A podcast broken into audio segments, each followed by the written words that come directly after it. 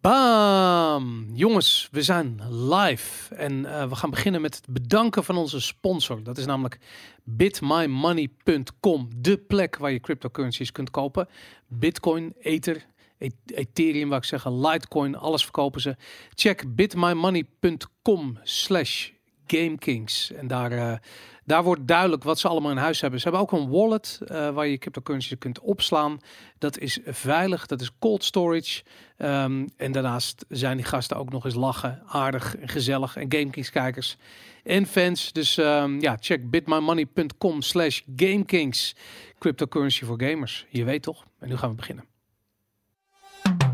You are listening to Nerd Culture, a GameKings podcast. Zijn we. Jongens, welkom. Skate the Great, JJ Belderock Yeah. in de house. Jongens, eh, geweldig. We zijn allemaal een beetje gesloopt. Een beetje, Ja. een understatement. Ja? Hoe gesloopt ben je, Skate? Nou, het valt eigenlijk wel mee. Ik heb eh, zoveel adrenaline weten te halen uit datgene wat er wel mooi was aan de E3. Ja. Dat het me toch gewoon eh up and running heeft gehouden. ja, want we gaan het deze hele eh, nerd culture hebben over de E3, de grootste gamebeurs ter wereld. Of in ieder geval de gamebeurs met de meeste nieuwswaarde ter wereld. En ehm, kijk, ik, ik wil het met jullie hebben over de games en over de afgelopen E3. Dat vind ik heel belangrijk. Maar ik wil het ook gewoon hebben over het fenomeen E3. En hoe het is om gamejournalist te zijn. Wat dat dan is. Wat je nou eigenlijk aan het doen bent. Wat wij nou eigenlijk aan het doen zijn. Maar laten we even beginnen met die kapotheid. Jeje, wat, wat heb jij de afgelopen twee weken gedaan? Ehm, nou, ik ben sowieso een aantal dagen nu al redelijk kwijt. Ik dacht dinsdag dat het woensdag was. Dat weet ik wel. Dat is altijd een teken dat je... Je gaat op een gegeven moment op de automatische piloot. En dan draai je inderdaad, zoals eh, Skate het zegt, op adrenaline. Ehm, nee, heel veel voorbereidingen. En je leeft op een gegeven moment ook in de E3. En dat merk je heel erg als je thuis komt. Ehm, niet tijdens de nachten, want dan kom je thuis en dan gaat je vriendin naar je werk. Maar eh, woensdag naar Nintendo. Je vriendin gaat naar jouw werk. Ja, Die neemt het even over. het werk. Die doet dat de redactie. Ja, je ziet elkaar sowieso bijna niet. Maar in ieder geval, dan woensdagavond kwam ik thuis. En Hm. dan ben je drie dagen. Dan is het, alleen maar, het is alleen maar games, games, games, games. En dan in één keer dan zie je en dan gaat het journaal kijken. Dan denk ik, eh, het gaat allemaal langs je heen. Oh, is dat gebeurd? Ehm, serie kijken. Je kijkt een beetje half. Je zit gewoon in een soort van In een kokon, hè? in een cocon van gaming. En daar kom je heel langzaam weer uit. Dus ik kijk altijd enorm uit naar dit weekend. Mhm. Want dan ga ik echt gewoon helemaal niks doen. En dan maandag, ehm dat vind ik altijd de moeilijkste week van het jaar. Om, om, dan val je in een gat of zo. Ja, maar dan ga je weer fucking games die op dit moment uitkomen niet allemaal, allemaal top-notch zijn, weet je. Dan moet je dat weer gaan... eh het, tuurlijk, het, het hoort er allemaal bij, maar dan, dan is het gebeurd. Dan is dan, al die excitement is gewoon... ehm, is dan weg. En ehm, ja, dat, dat, dat merk ik het ergst. Dat je echt in die kokon leeft. Dat je denkt dat gaming het belangrijkste ter wereld is. Maar ik heb het idee dat wij niet alleen in die kokon leven, maar ik heb het idee dat onze kijkers ook in die kokon leven. Want Ja, ik bedoel, hoe ga je anders verklaren dat mensen bij wijze spreken, want we zijn volgens mij hebben we 12 uur per dag gelivestreamd. ja. En, en mensen schakelen bij wijze spreken in nog voordat we begonnen zijn. En kijken gewoon helemaal door tot aan 6 uur 's ochtends. Net als dat wij. Hè, en die gaan net zo kapot als dat wij kapot gaan. Ik, ja. Wa- waarom is dat? Ja, nou, thuisbezorgd heeft eh, de afgelopen week een goede aan, eh, aan onze kijkers gehad, eh, kan ik je vertellen. ja. ja. Want dat is gewoon met het bord op schoot eh, en dan eh, hashtag GKE3 op Twitch, eh, op de website. eh, gewoon lekker bivakeren. Ja. En, ehm, maar ja, het is voor de kijkers precies hetzelfde als wat wij doen. Ik bedoel, wij zijn dan wel aan het werk, Mhm. maar voor de anticipatie bij hen... eh, ten opzichte van de grote verrassingen. Wat komt er wel, wat komt er niet? Komt die ene titel waarvan we vorig jaar al hoopten dat die aangekondigd zou worden, nu alsnog? Ja, ik bedoel, een een gamershartje gaat van zo'n week natuurlijk sneller kloppen. Ja, ik, ik had zelf eh, heel erg, ben ik een beetje op zoek geweest naar de parallellen tussen hoe het nu gaat en hoe we het vroeger deden. En vroeger maakten we tv-programma's in LA, eh, we maakten dvd's in Los Angeles en dan kwamen we een keer terug en dan was het heel hard werken. Of tenminste voornamelijk voor Rogier, die moest ontzettend veel editen. En, ehm, en dan, dan kwam dat een keertje online en dan werd het uitgezonden of die dvd kwam Mhm. uit of, of geschreven voor, eh, voor, voor, voor de PU en dan kwam, werd het daar gepubliceerd. Maar nu, als je naar vandaag de dag kijkt, dan is alles is gewoon live. Ja, Het, het lijkt wel alsof... het tempo is, is enorm opgeschroefd. Ja, dat bedoel ik. Je hebt Ja. geen tijd meer om na te denken, want je moet direct reageren. En dat is de content die je maakt. Ja, nou, ik, had- ik, ik had vandaag ook wel echt. eh, ik denk dat Koos een grap heeft uitgehaald. Of ik dacht dat het leuk was om, om gewoon de webcam aan te zetten bij, bij eh, Daan. Daan was aan het editen. ja. Die was aan het editen en dat begon echt eh, vanochtend toen ik opstond. Toen begon hij. En, en toen waren wij klaar ongeveer met de normale werkdag. Meestal zo half zes, weet je wel. Dan Mhm. ga je gewoon een beetje afbouwen. En toen zat Daan daar fucking nog te editen. Want Daan zit in Los Angeles. Ja, Ja, die edit al en het was, items. het was licht. En mensen zaten ook drie, 400 man zaten mee te kijken. En Da- Daan wist het ook wel. Maar het is wel echt loodzwaar. En ik had, Ja. op dat moment dacht ik ook van wow, het, het gaat ver. En, en, ehm, maar het, op een of andere manier, ik, ik vind ook dat het erbij hoort. Want je kan niet meer zeggen van oké jongens, we zijn nu naar de E3 en volgende week ga je al die items wel zien. ja. Want dan is het weg. ja, dat is weg. Ja. Je Dat, het hebben we wel eens gedaan, toch? Ja, nee. Daar dat- kwamen we in het verleden mee weg. Omdat eh, mensen er rekening mee hielden van... oké, eh, nou ja, de, alle content moet eh, eerst weer naar Nederland komen... en dan gaan stagiairs en, en Jelle en noem het allemaal op... die gaan ermee aan de slag. Het wordt allemaal verwerkt. En dan in de loop van de week erna... tot twee weken na de E3... kwam er dan, eh, kwam er dan dagelijks eh, content op de site. Ja. Maar dat, nee, inderdaad, wat, wat jullie al zeggen... daar kom je vandaag de dag niet meer mee weg... met de snelheid van hoe, eh, hoe media vandaag de dag eh, te werk gaan. Dat- Je moet gewoon echt Ja. op het moment zelf bezig zijn. Ja. Nee, en wat mensen dan niet weten, want zeggen van eh, Daan is nu aan het slapen. Ja, dan moet het dus nog geüpload worden en, en dat soort dingen. Dat, dat, dat, dat neemt ook weer een uur, anderhalf uur in tijd. Dus het item zal zo wel online komen. Maar het is gewoon. ehm, het, het, het is heavy en ehm, eh, eh, het, het gaat sneller. eh, helemaal toen wij begonnen met, met, met gamesjournalistiek, weet je, want toen schreef je teksten. Dat Ja. kon je drie weken na dato live die dat in. Was je nog de eerste? Kwam Nee, het een anderhalve maand later kwam het in, in de bladen. Ik, Dus- ik had vroeger, toen ik, toen ik klein was, laat ik zeggen, toen ik een jaar of 11, 12 was, denk Ja. ik, toen las ik een Engels blad, Computer en Videogames. En dat was echt een van de, de grote gamesbladen. En eh, samen met Zep 64. En ik weet dat ik dan dit soort beurzen, en ik weet niet per se of je toen al de E3 had, maar je, Mhm. had, je had in ieder geval in Engeland een grote beurs en je had in Japan de Tokyo Game Show bestond toen al. En die, die gasten gingen daarheen en die schreven daarover. En dan, ik, ik las het letter voor letter door. En ik, mijn beleving was net zo groot. Want ik echt, ik, ik, ik, ik vond het heilig. En ik weet nog dat we toen voor het eerst naar de E3 gingen. Dat ik echt zoiets had van, wow, ik ga naar de E3. Wie had dat gedacht? En nu heb ik bijna het idee dat de E3 van ons is. Weet je, ik bedoel, als je kijkt hoe erg we daar de weg weten, hoe we erg we vooraan zitten bij alle presentaties, Ehm, hoe, we, hoe we het coveren, hoe we proberen onze community mee te nemen daar naartoe en, en te reflecteren op wat er is. Dat, eh, eh, dat voelt als een totaal andere beurs dan toen. Dat mag ook wel als je eenmaal eh, inmiddels meer dan 20 jaar ervaring hebt in de gamesindustrie. Als je dan nog de weg nog, nog altijd niet kent, dan doe je iets niet helemaal goed natuurlijk. Ja, nou ja, goed, maar dat, dat, ja, dat blijft. Ja, maar het is ook de manier waarop je het benadert. Ik denk dat het, dat het heel belangrijk is. Want je kan beurzen op verschillende manieren benaderen. Je kan het heel afstandelijk benaderen en, en misschien ook heel inhoudelijk. Alhoewel ik vind dat we dat ook hier hebben gedaan. Eh, t- maar wat wij ook proberen is natuurlijk... Aan de ene kant is het ons werk. Maar aan de andere kant zijn we ook zelf allemaal eh, gamers. En we zijn op dit moment aan het editen aan een behind-the-scenes eh, item... eh, over wat er hier gebeurde op de studio, de nacht door. Mhm. En dan zal je zien dat we waarschijnlijk net zo reageren als de mensen thuis. Ja. Wauw of kut, wat balen dat dit, wat is dit kloten. Dat is, dat, is, dat is wat het leuk is. En ik denk dat we mensen proberen mee te nemen op, op zo'n reis. Alsof ze, hoe ze het zelf ook benaderen. En ik, ik moet eerlijk zeggen dat, ehm, we hebben het natuurlijk lang over gehad. Wie gaat er naar LA? En uiteindelijk hebben we besloten van, oké, we laten de, de jonge, jonge mensen erheen gaan. Die nog niet zo vaak zijn geweest. En ik moet wel zeggen dat ik dat uit achteraf gezien eigenlijk best wel een goed besluit vond. Omdat ik zie wel hoe fris ze er tegenaan kijken. En hoe oprecht excited ze zijn als ze binnenkomen. En in alle eerlijkheid, ik heb dat niet meer. Niet dat ik die games niet tof vind, maar ik heb het. Ik weet precies wat ik ga verwachten als ik de deur uit ga. Ja. Daar staat de stand en dat is licht. En ja, oké, ik moet daar naartoe. Ik ga het dan op de automatische piloot eh, doen. Terwijl je daar echt zo van, wow, fuck. En dat had ik de eerste twee, drie keer ook. Van dat ik denk van, wow, wat groot. En jezus, wat een stand. En hoeveel consoles bij elkaar. Ja, dat heb ik nu wel gezien. Ik kan me herinneren dat ik, ehm, als ik de afgelopen twee jaar had ik dat gevoel heel erg. Dat ik de Ja. Binnenliep. Dat was dan de eerste hal waar ik naar binnen liep. En dat ik, ik zag mezelf gewoon dat, dat naar binnen lopen en die roltrap op. En, en dan had ik het gevoel, en daar was ik heel bewust van, van daar ga ik weer. Weet je, dit is weer zo'n jaar dat ik op die E3 rond ga shocken en die games gezien hem afspraken ga afwerken. Daar ga ik weer. En ik dacht, weet je, we hadden het over hoe gaan we die E3 nu capturen. En ik, ik, ik wil dat aan jullie allebei vragen. Waarom kijken al die mensen naar onze content, naar de E3 via onze content? Waarom doen ze dat? Omdat het leuker is dan gewoon kaal een persconferentie aanzetten. Het gaat er toch ook om dat je mee kunt doen. Ik denk nog niet eens.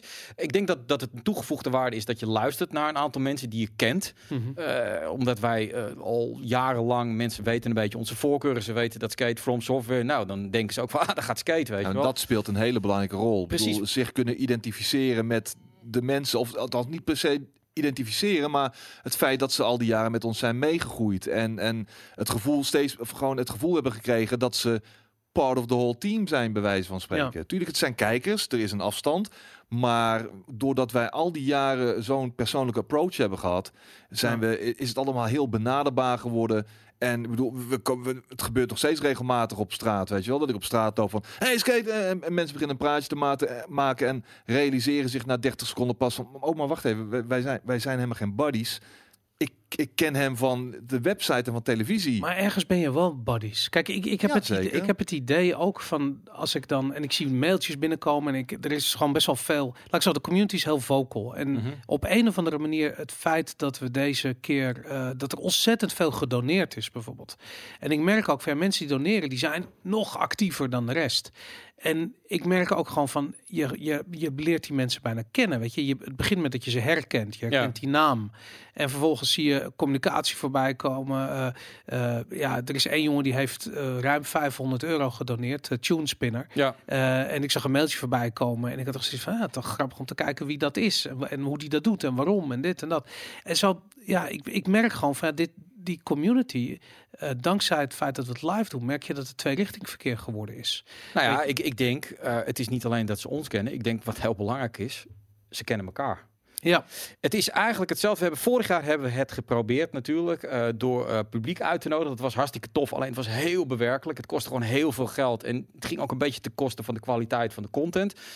Maar je merkt gewoon, feitelijk, wat je doet is met 4, 3, 4.000 man zit je eigenlijk in een hele grote bioscoop. Alleen Ja. op afstand met elkaar. En je gaat met elkaar commentaar leveren. nou dat is En ook ik denk dat je ziet mensen gewoon eigenlijk gewoon met dat scherm, eh, met de, of ze het nou op een tablet of op, op, op de PC doen, met elkaar ouwe hoeden. Ah, kut game. Nee, het is tof man, dit en dat. En ik denk dat, dat, dat ze ook naar ons luisteren, maar ook naar elkaar. ja. Het is het feestje. Het is gewoon gezellig met elkaar die boel bekijken. En ehm, ik denk dat dat het gewoon ontzettend leuk maakt. Van je kan, ik kan het inderdaad op elk kanaal kijken. Maar een kanaal waar 50 man naar kijkt, ja, dat, er zit niet zoveel in de chat. En dit is natuurlijk gewoon op een gegeven moment zie je gewoon, dit is de grootste community, het gezelligst. En dan ga je gewoon lekker mee ouwe hoeren. Twitch, Ja. Twitch heeft daar ook eh, de afgelopen jaren een hele Ja. belangrijke rol in gespeeld. Eh, mensen zijn, de community is hechter geworden, dichter aan elkaar toegegroeid. Mensen leren elkaar ook daadwerkelijk op het persoonlijke vlak kennen, omdat ze contacten onderhouden en dergelijke. Eh, dat saamhorigheidsgevoel, dat is in de jaren, de afgelopen jaren zeker dankzij Twitch een heel stuk te sterker geworden. Mede omdat de feedback eh, veel eh, directer is geworden. Het Ja. is niet van zoals in het verleden in de comments en vandaag de dag ook nog steeds. Iemand plaatst een, comments, eh, een comment op GameKings.tv en moet maar even wachten tot Mhm. de andere aanwezig is om daarop te reageren. Hier zijn wij fysiek aanwezig. De mensen zitten daar aan de andere kant of op, op Twitch te kijken. Zijn interactief bezig, wij lezen het en reageren. Dus Ja. dat maakt het allemaal nog een stuk directer en persoonlijker. Ja. ja, het is knap hoe dat, hoe dat in, in, in relatief korte tijd ontstaan is. Ik heb het idee dat Twitch vijf jaar bestaat, max, Mhm. zoiets. Ja. En ehm, ja, weet je, ik, ik, ik denk dat het misschien twee jaar geleden is dat ik dat skate begon met livestreamen en dat ik hem Mhm. opbelde en dat ik echt zoiets had van wat de fuck is dit? Weet je, wat gebeurt er? Weet je, waarom kijken Ja. er zoveel mensen en wa- waarom kijken die mensen dan? En dat, dat is eigenlijk een vraag die, die ik, ik ben altijd heel erg bezig met waarom dingen zijn zoals ze zijn. En ik wil altijd weten, weet je, wat is de dynamiek? Waarom, waarom kijken die mensen? Wat, wat, wat zoeken ze bij een bepaalde Twitch streamer? Als het community is, waarom wel bij skate en Nou ja, niet de- bij, weet ik veel, iemand anders of zo? Nee, oké, maar dat, dat is gewoon op een gegeven moment een voorkeur waar je over hebt. Maar ik denk inderdaad, eh, eh, het is, misschien zijn wij een onderdeel daarvan. Dat is waarom ze er komen. Maar uiteindelijk gaat het ook dat je elkaar vindt. En voor mij, ehm, ik vind het wat ik al, al vaker heb uitgelegd. Ik vind het heel moeilijk om in een café te staan en dan met willekeurige mensen een praatje te doen. Omdat als het mij niet interesseert Ja. en men is niet gelijk gestemd, vind ik het moeilijk om, om dat gaande te houden. Want het interesseert en dan ben ik, kan ik daar heel bot in zijn van ja, maar jouw hobby interesseert me niet. Dus ja, maar dan houdt het op. Weet je, dan weet ik niet zo goed wat ik moet doen. Maar hier ben je allemaal, je hebt de same mindset. Je bent bezig met gaming, je houdt allemaal van Bethesda of je vindt het niet leuk of je houdt van die game. En dat maakt dat je gewoon, dat is wat Twitch tof maakt. Je, Ja. je, je kan een niche vinden over elk gek dingetje of elke hobby is wel een Ja. site. En dan weet je ook als ik daar kom en ik doe mee. Ja, er zijn allemaal mensen die dat ook tof vinden. Dus ik hoef me ook Ja. niet te verdedigen omdat ik... eh, eh, ja, iemand zegt dat we zijn allemaal autisten. Eh, nee, maar... Ja, dat is wel van, je hoeft je niet te verdedigen van, oh, vind je games leuk? Of zit je tot zes uur s'nachts naar games te kijken? Nee, fuck it. Bedoel, Ene, we doen het allemaal. wel, maar ik bedoel, het ene gaming-related platform is niet het andere gaming-related platform. Het is toch ook de manier waarop wij content deliveren, de manier waarop wij in het leven staan. Eh, ik bedoel, GameKings is altijd gaming en lifestyle geweest. N- niet enkel ons alleen blind staren op games, games, games, games. Ja. Maar ook wat, alles wat daarmee samenhangt. Onze andere hobby's schuiven we ook naar voren. Onze andere interesses. Uh, tuurlijk, gaming is de rode draad door het hele leven van GameKings. Het bestaan van GameKings. Maar het is juist gewoon het totaalplaatje wat ervoor zorgt dat mensen... eh, eh, ja, ons liever eh, opzoeken dan bijvoorbeeld andere gamingplatforms. Maar je zegt ga- gaming is een lifestyle hè, voor ons. We hebben dat misschien wel het, het- een een invulling gegeven aan gamejournalist, lifestyle, Mhm. iets wat het is. Wat is dat? Hoe ziet dat eruit voor jou, Skate? Nou, meer dan alleen maar dat opgesloten zitten in dat kamertje. eh, wat nog steeds een soort van eh, een beeld is wat bij heel veel mensen hangt. Ja. Maar ik bedoel, kijk al vanaf onze, het eerste seizoen op televisie. Eh, onze, eerste E3-coverage in de Saharan Motel, eh, in het zwembad. En zuipen. Ik praat zuipen niet goed. Maar gewoon de, de lol die we beleefden buiten de beurs om. Maar dat was toch geen gameshow? Dat was gewoon, dat waren wij. We Nee, waren een vriendengroep of we zijn en een lifestyle. De- gewoon, dus dat, gewoon alles wat er maar mee te maken heeft. Het feit dat wij gewoon als buddies met elkaar niet alleen verslag deden van een game-evenement, maar ook erop uittrokken. en Los Angeles onveilig maakten, bij wijze van spreken. Ja. En, en meer van dat soort dingen. En dat hebben we elk jaar altijd gedaan. Er zijn ook altijd wel mensen geweest. die, Ja, eh, ik vind dat jullie eh, niet droog genoeg eh, verslag doen van eh, het hele gaming gebeuren. Ja. Maar dat is nou eenmaal niet hoe wij in elkaar steken. Nee. Ja, Nee, ja. Ja, nee, ga verder. Nou ja, misschien zouden we wel zo in elkaar kunnen steken. Maar het is natuurlijk op een gegeven moment ook iets wat we zelf. ehm, ja, weet je, ik bedoel, het, het is natuurlijk entertainment. En hoe kan je journalistiek toepassen op entertainment? Dat is echt een vraag waar ik me al heel lang mee bezig hou. Omdat ik heb sportjournalistiek gedaan, ik heb muziekjournalistiek gedaan. Echt voor kranten, hè? Je bent heel serieus. Ja, eh, nee, maar het is bezig. gewoon van hoe ga, je, eh, hoe ga je een oordeel vellen over een band waar je zelf niks mee hebt. En je ziet dat een hele zaal uit zijn dak gaat en een goede avond hebt. En je zegt toch dan uiteindelijk achter je type, eh typemachientje, nou nee, ik vond het toch niet zo goed. Want het, Maar dat kan toch ook helemaal niet? Nee, maar dat is met gaming natuurlijk ook. En, en wat nou juist het leuke is, is van je kan het heel sec gaan behandelen. Maar ik denk ook, en ik zag een aantal mensen die zeiden van ja, ik, ik game de laatste tijd niet zoveel meer. Maar ik ben weer eventjes teruggekomen en ik, ik ben toch weer getriggerd om te gaan gamen.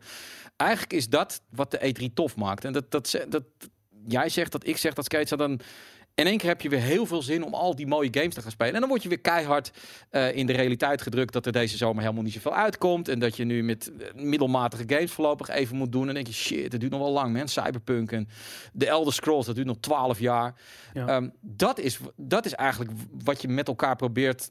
Gewoon feest vieren van wow, al die toffe shit komt eraan. Wat leuk, wat leuk. En daarna is de realiteit er weer in. En dan, ja, goed, gaat dat weg. Maar ja, wat is journalistiek op dat moment? Ik heb dat, die hele journalistiek, ehm, dat label, ik heb het nooit heel serieus genomen. Ik heb het gebruikt wanneer het nodig was en ik heb erom gelachen wanneer het nodig was. Ik bedoel, Ja. soms word je gevraagd bijvoorbeeld door RTL of door NOS, Ja. weet ik van een quoteje. En dan laat ik er gewoon gamejournalisten onder zetten. Fuck it, weet je. Maar eh, als iemand me serieus gaat vragen, is het journalistiek? Nee, dat is het niet. Weet je, het is gewoon Nee. het, het, het beste, laat ik zo het meest hoogstaande vorm van journalistiek die je kunt doen als het om videogames gaat of andere commerciële producten, Ja. is gewoon bij je eigen mening blijven en zorgen dat die mening authentiek en eh, eh, oprecht is. Dat dat niet een gekochte mening is, dat het niet hangt naar commercie, eh, maar dat het gewoon je eigen mening is. En ik denk dat iedereen die hier nu over is gebleven van deze groep Ja. GameKings, ik bedoel, de, de- op, op, een, op één of twee uitzonderingen na is, eigenlijk, is dat altijd bij GameKings zo geweest. Er waren geen mensen die luisterden naar commercie. Nee. Ehm, en over het algemeen is het gewoon keihard eh, eh, je eigen mening. Ja, nou, nou het ding is wel van. een van de redenen waarom ik zelf niet meer naar de E3 hoef, is omdat ik ehm, aan de ene kant mijn ei er ook niet meer kwijt komt. Ik vind dat de industrie veranderd is in de zin van het is nu een hele non-communicatieve, eh, starre industrie geworden tijdens de E3. Ik bedoel, wat ik tof zou vinden en journalistiek is eh, bijvoorbeeld, ik zie twee trailers van eh, bij Bethesda voorbij komen van ik denk van, nou, maar dit, dit vind ik raar, weet je wel. Dat, dat, Hmm. Ik zou dat niet doen. En dan wil ik naar Todd Howard gaan en ik wil hem een microfoon onder zijn onder giegel douwen met een camera erop en zeggen, waarom heb je dit gedaan? Ik denk dat dat wel zou kunnen bij hem. Bij hem toevallig wel. Ja, nou, maar ik inderdaad. Oké, bij 9 uit 10 komt er een, een PR-truus tussen. Of hij zegt no comment. Weet je. Ja. er, er valt gewoon niet echt nieuws te halen. Het enige wat zij daar willen verkopen is het voor ingestudeerde verhaal van dit gaan we doen. We have a new world created, bla bla bla. Ik vind het prima. Maar laat mij dan maar gewoon hier zitten. Dan kan ik lekker met jou erover ouwe horen. Ja. Dan dat ik daar. want Ik kan mijn ei gewoon niet echt kwijt. Want ik ben eigenlijk afspraakjes aan het aanlopen waar ik. Het, het, het absolute toppunt. En is ehm, dat Jelle. eh, We hadden een afspraak voor The Last of Us. Ja. Koos helemaal psyched. Ik ook van fuck, die gast gaat het gewoon spelen. Wat hoor ik? Maar afspraak is dat je behind closed door, je hebt afspraak, iemand Ja. heet je welkom, hey, je hebt een slot tussen dit moment en dit moment, een half Exact. uur lang of een uur lang, en dan ga je zitten. En ik ga er gewoon van uit van spelen of niet spelen. Dat, dat, dat maakt me nog niet eens uit. Maar je gaat iets zien wat je nog niet anders hebt gezien. Ja. En ze krijgen exact dezelfde trailer te zien Ja. als wij met z'n allen. En zij ook eh, bij de persconferentie. Dan, dan word je toch niet serieus meer genomen als Nee, journalist. maar, je- maar laat ik zo zeggen, me- games media wordt door games uitgevers niet serieus. Nee, ik vind dat, echt... Dat, eh, dat ja. is, want en Sony, eh, kijk, sommige uitgevers zijn beter dan andere. Weet je, Bethesda is over het algemeen nog wel een partij die die games media serieus neemt. Eh, er zijn anderen die dat ook doen, maar Sony is, is lang geleden afgehaakt. Nee, maar goed, bedoel, Cyberpunk is ook niet speelbaar, maar ze laten wel een demo zien van 50 minuten gameplay die niemand anders ziet. Dan krijg je iets speciaals. Dan heb je ook zoiets van, oké, jij komt naar mij toe, jij doet de moeite voor om verslag te doen. Jij krijgt van mij iets speciaals wat niet iedereen heeft. En dat is een afspraak. Maar als je dan gewoon exact, dan neem je een, serie, een, een, een, een, een journalist niet serieus. Dat is echt, Ja. ja, ik... ik Maar dat ja. hebben we toch al aan levende lijven kunnen ondervinden de Nee, afgelopen maar jaren. daarom dat, ga ik ook dat minder naar dat soort veranderd dingen zijn. toe. Want ik word daar een beetje kriegelig van. Heb ik echt zoiets van, nou, daar word ik kwaad. En, en dat is ook niet wat ik wil uitstralen. Ik bedoel, daarom vind ik het ook tof dat we dit jaar voor de koers hebben gekozen. Van je gaat checken wat je zelf tof vindt. Ga die beurs op en ga Dat, dat doen. hebben we die gasten meegegeven. Ja, en, en je ziet wat van enthousiasme. Ik bedoel, Koos, Daan, ze gaan helemaal uit een dak. En dan gaan ze zelf The Walking Dead regelen. Omdat mij dat van afstand niet lukt. En dat vind ik tof. Ja. Dat is wat ik wil, wil hebben. Eh, eh, maar dat heb ik dan op dat moment niet. Want ik word helemaal gek van die PR-muur dan. Maar dat betekent dat je als journalist, als gamejournalist, kun je het enige wat overgebleven is, is het analyseren van strategieën van die bedrijven. Ja. Weet je, en dan, dan de, de, de, de Skate die zei al laatst, van, ja, daar heb ik echt een hekel aan. Ik wil over videogames Ja, ik, praten. ik, ik, ik schakel uit als het daarover gaat. Waarom? Wat, wat, Omdat ik, ik bedoel, mijn hart, al, mijn gamershart klopt al eh, meer dan 40 jaar. En ehm, ik ben nu al bijna 25 jaar werkzaam in deze gamesindustrie. Juist omdat ik me nooit heb bezig gehouden met eh, alle eh, schimmige politieke spelletjes achter de schermen. Ik ben, ik ben hier nog steeds met veel liefde en passie mee bezig. Juist omdat ik me alleen maar focus op games en de kwaliteit van games en, en, het slechte van games. Dat houdt me gaande. Als ik me dan ook nog eens moet, eh, als ik mijn energie ook nog eens moet gaan steken in datgene wat er allemaal op businessniveau gebeurt. A, ik ben er niet in geïnteresseerd. En B, ik wil het gewoon allemaal niet horen. Want het zijn allemaal van die vervelende verhalen vaak. En Maar goed, maar ik bedoel, jij gaat wel heel vaak eh, op, op perspresentaties nog. Ik bedoel, af en toe. Ja. Vroeger heb je het veel gedaan. Nee, maar daar word je ook geconfronteerd. En, en dat wordt echt, als je dat vergelijkt nu en 10, 15 jaar terug, is er gewoon echt een hoop veranderd. Het, het wordt steeds krampachtiger, vastgehouden van wat je mee mag krijgen. Ik bedoel, ik heb niks tegen influencers en YouTubers, maar die worden nu echt met vliegtuigen en al in hotels gezet en worden daar gewoon allemaal in die perspresentatie gezet. Omdat je weet, omdat ze, ja, dat, dat die gewoon alleen maar tof, tof, tof gaan maar, maar kijk, dat, dat, Nou dat, ja, is, ja, dat is misschien iets wat ons persoonlijk eh, opvalt. Dat is een Ja. van de grote veranderingen die wij zien. Kijk, vroeger draaide echt alles om, om games, traditionele games media.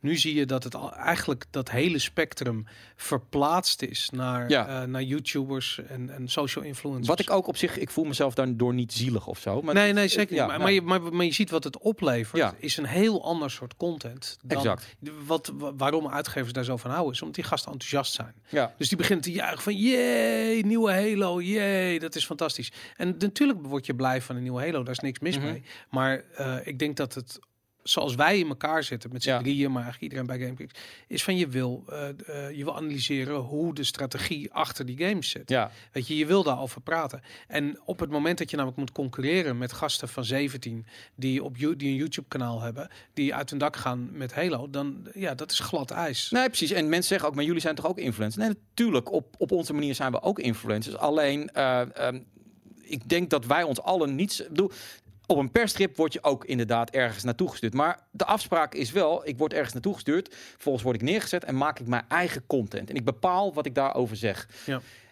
Ik ken niet de precieze afspraak hoe en wat. Maar het, het- dit, dit is wel anders. Want je wordt ingevlogen voor één game, voor één ding. Ja. Ehm, ik snap heel goed eh, vanuit eh publisher kant dat, dat ze dit doen. Omdat ehm, ja, je krijgt gewoon hele toffe, eh, eh, eh, eh, publicitair, hele eh, positieve content.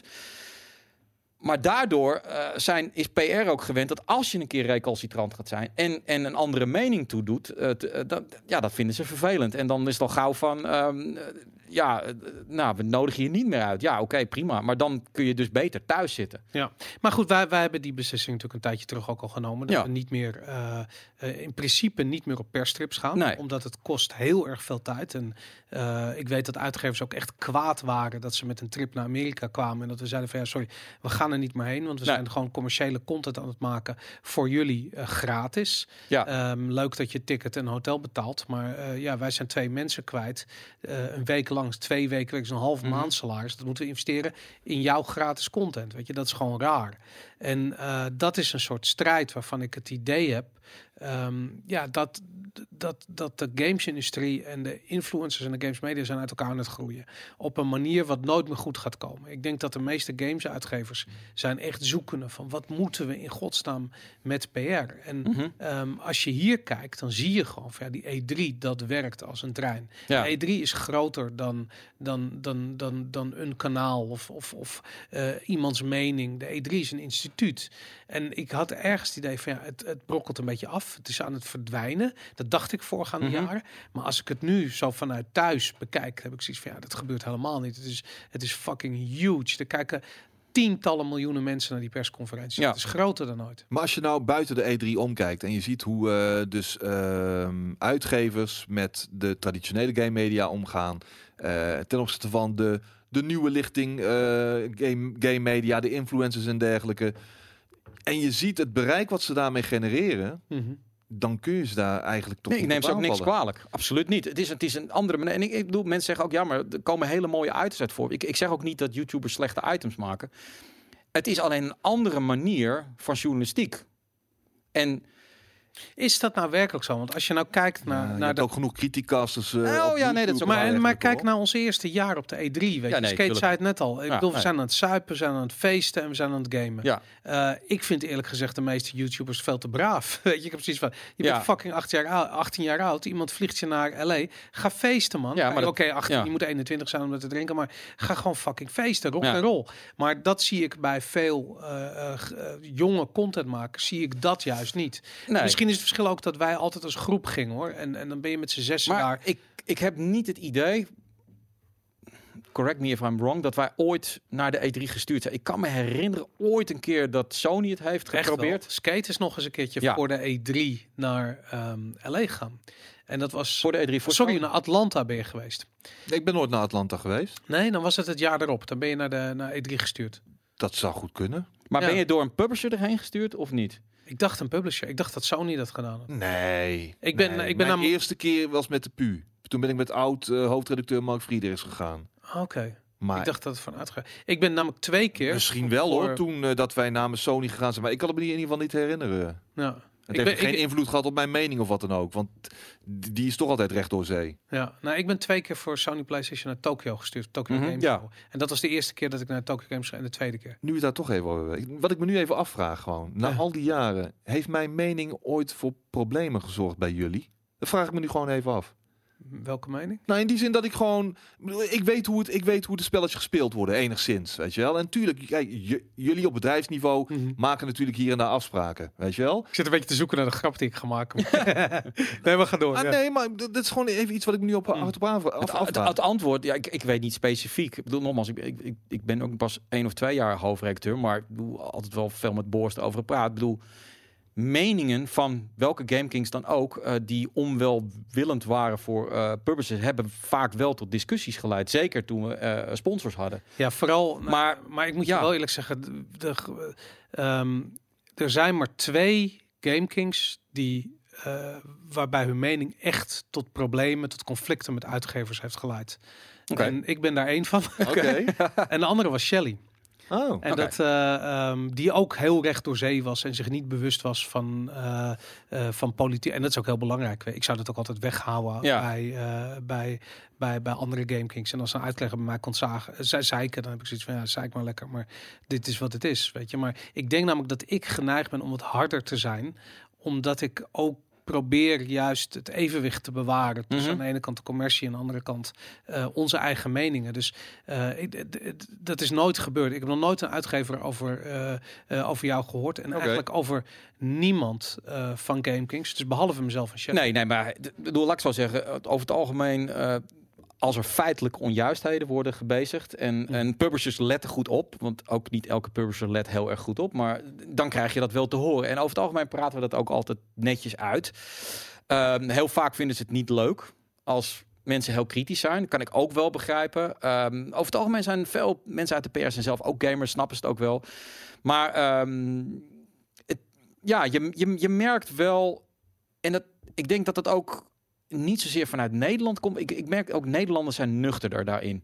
Maar bijvoorbeeld in Amerika of in Engeland op HQ's, ehm, daar wordt heel anders naar dit soort dingen gekeken. Hè? Ik bedoel, in Amerika worden echt dealtjes gesloten. Eh, er zijn gewoon zeven platformen die groot zijn. Dus iedereen knokt met elkaar om een exclusive of wat dan ook. Daar worden dealtjes gesloten. Ja. Ehm, daar, daar hebben ze zich heel erg verbaasd. Ik weet nog toen wij met GameKings ooit begonnen en jij eh, probeerde de, het sponsormodel uit te leggen zonder in details te treden, dat ze dat in het buitenland niet begrepen van oké, dus we betalen een partij, maar je hebt geen inspraak over wat ze van je vinden. Oké, dat moeten we maar niet doen. Dat was een beetje wat Nederlanders altijd hoorden. Ja, dan ik, heb, je- ik heb nooit gehoord dat moeten we niet doen, maar ze begrepen het niet. Ze hadden Nee. iets van we kopen content. En ik Ja. dacht zo van ja, je koopt aandacht en je koopt content, maar het is jullie verantwoordelijkheid om te zorgen dat die games goed zijn. ja. Daar, daar heb ik geen invloed op, weet je. Nee. En eh, ik denk dat we bij ons eh, of bij GameKings altijd de grens hebben gesteld van we praten niet eh, slecht over een game die goed is en niet goed over een game die slecht is. Exact. En waar die grens ligt, dat is voor iedereen anders. Weet je, ik bedoel, wat, wat jullie goed vinden, kan voor mij weer slecht zijn. En omgekeerd. Mhm. Ja. En ik denk dat die dy- dynamiek altijd heel gezond is geweest.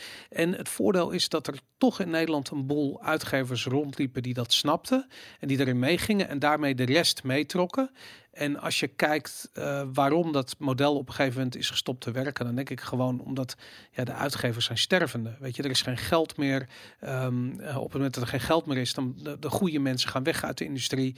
Eh, de mensen die overblijven, die, ehm, ja, die missen misschien de visie om de boel een andere richting op te duwen. Ehm, ja, dat is gewoon helaas een klein beetje de realiteit van de gamesindustrie vandaag de dag. Ja. En, en, en ja, het, het, het, het, is gewoon lastig. Ik, ik, ik snap, ik ben. Ik heb genoeg ook, want ik heb, ik heb ooit zelfs een jaartje een beetje aan de PR-kant gewerkt. Mijn allereerste baantje bij Homesoft zat ik ook een beetje. eh, Homesoft is de voorloper van Ja, dat- 2K games. Dat was de. Nee, nee, de- alles. Zij deden alle games in Nederland, Homesoft. Ehm, en dus he- ik heb die kant ook wel gezien. En ik begrijp het ook allemaal. Ik bedoel, Zij, het is een spel. Zij moeten hun fort bewaken en wij bewaken ons fort. En dat clasht altijd. En dan moet je dan met elkaar uitkomen. En ehm, in Nederland, met de Nederlandse gasten, heb ik daar, komen we er altijd uit. Want ze kennen ons. We kennen die mensen al 10, 15 jaar. Maar ga je naar de E3, vaak zijn de Nederlandse mensen er niet. En als ze er wel zijn, hebben ze echt weinig te vertellen ten opzichte van eh, de mensen die die stand leiden, wat vaak eh, HQ is. En die hebben zoiets van, eh, oh, die gasten willen oprotten, weet je wel, volgende. Ja. Je komt er niet tussen met je vraag van tot houden, want je bent geen Amerikaanse of grote Duitse of Engelse site. Nou, ik weet niet. Eh, we- Weet je, Je moet wordt- zijn, ja. Ik zie in het chat ook veel vragen voorbij komen. Wat was dan die mening die tot problemen leidt? Ja, en nou. ehm, ik, ik, ik ga niet in op details, maar ik kan wel wat voorbeelden geven Mhm. van andere games media die op een gegeven moment te ver zijn gaan. En dan zie je gewoon van ja, vaak zijn het niet eens meningen die per se tot problemen leiden. Nee. Uh, maar er is een heel beroemd voorbeeld van een Belgische uh, website die uh, op een gegeven moment, um, hoe heet die? Jezus, ik, moet, ik weet niet eens of ik moet vertellen, maar in ieder geval die had Miyamoto. Goed maar niet. Ja, ja, ja, hadden ja, Miyamoto ja, voor de ja, camera ja, getrokken. En uh, die kerel had uh, Miyamoto in het Nederlands laten zeggen: Ik heb harige ballen. Ja. En dat is echt een fucking rel geweest. Want, want En- Nintendo was echt niet amused. Nee, en, maar dat, en dat is ook echt een soort bedrijf waar je dat niet mee moet flikken. Nee. Weet je, dat is gewoon niet grappig. En ja, als je dat soort dingen doet, dan, dan houdt het direct op. Maar dat hebben Ja. wij ook nooit gedaan. Wij zijn Nee. altijd wel. We hebben altijd gehad van we zetten onszelf voor lul, maar niet de mensen van die, van die, van die industrie. ik denk wel dat, dat dat een van de dingen is die we altijd eh, heel hoog hebben gehad. Van, ik vind het, het is zo makkelijk om andere mensen voor paal te zetten. En misschien op de E3 met die bootbabes, weet je, maakte ook altijd graag. Maar aan de andere kant, die stonden er ook een beetje. Die waren een PR-attractie Mhm. op zich.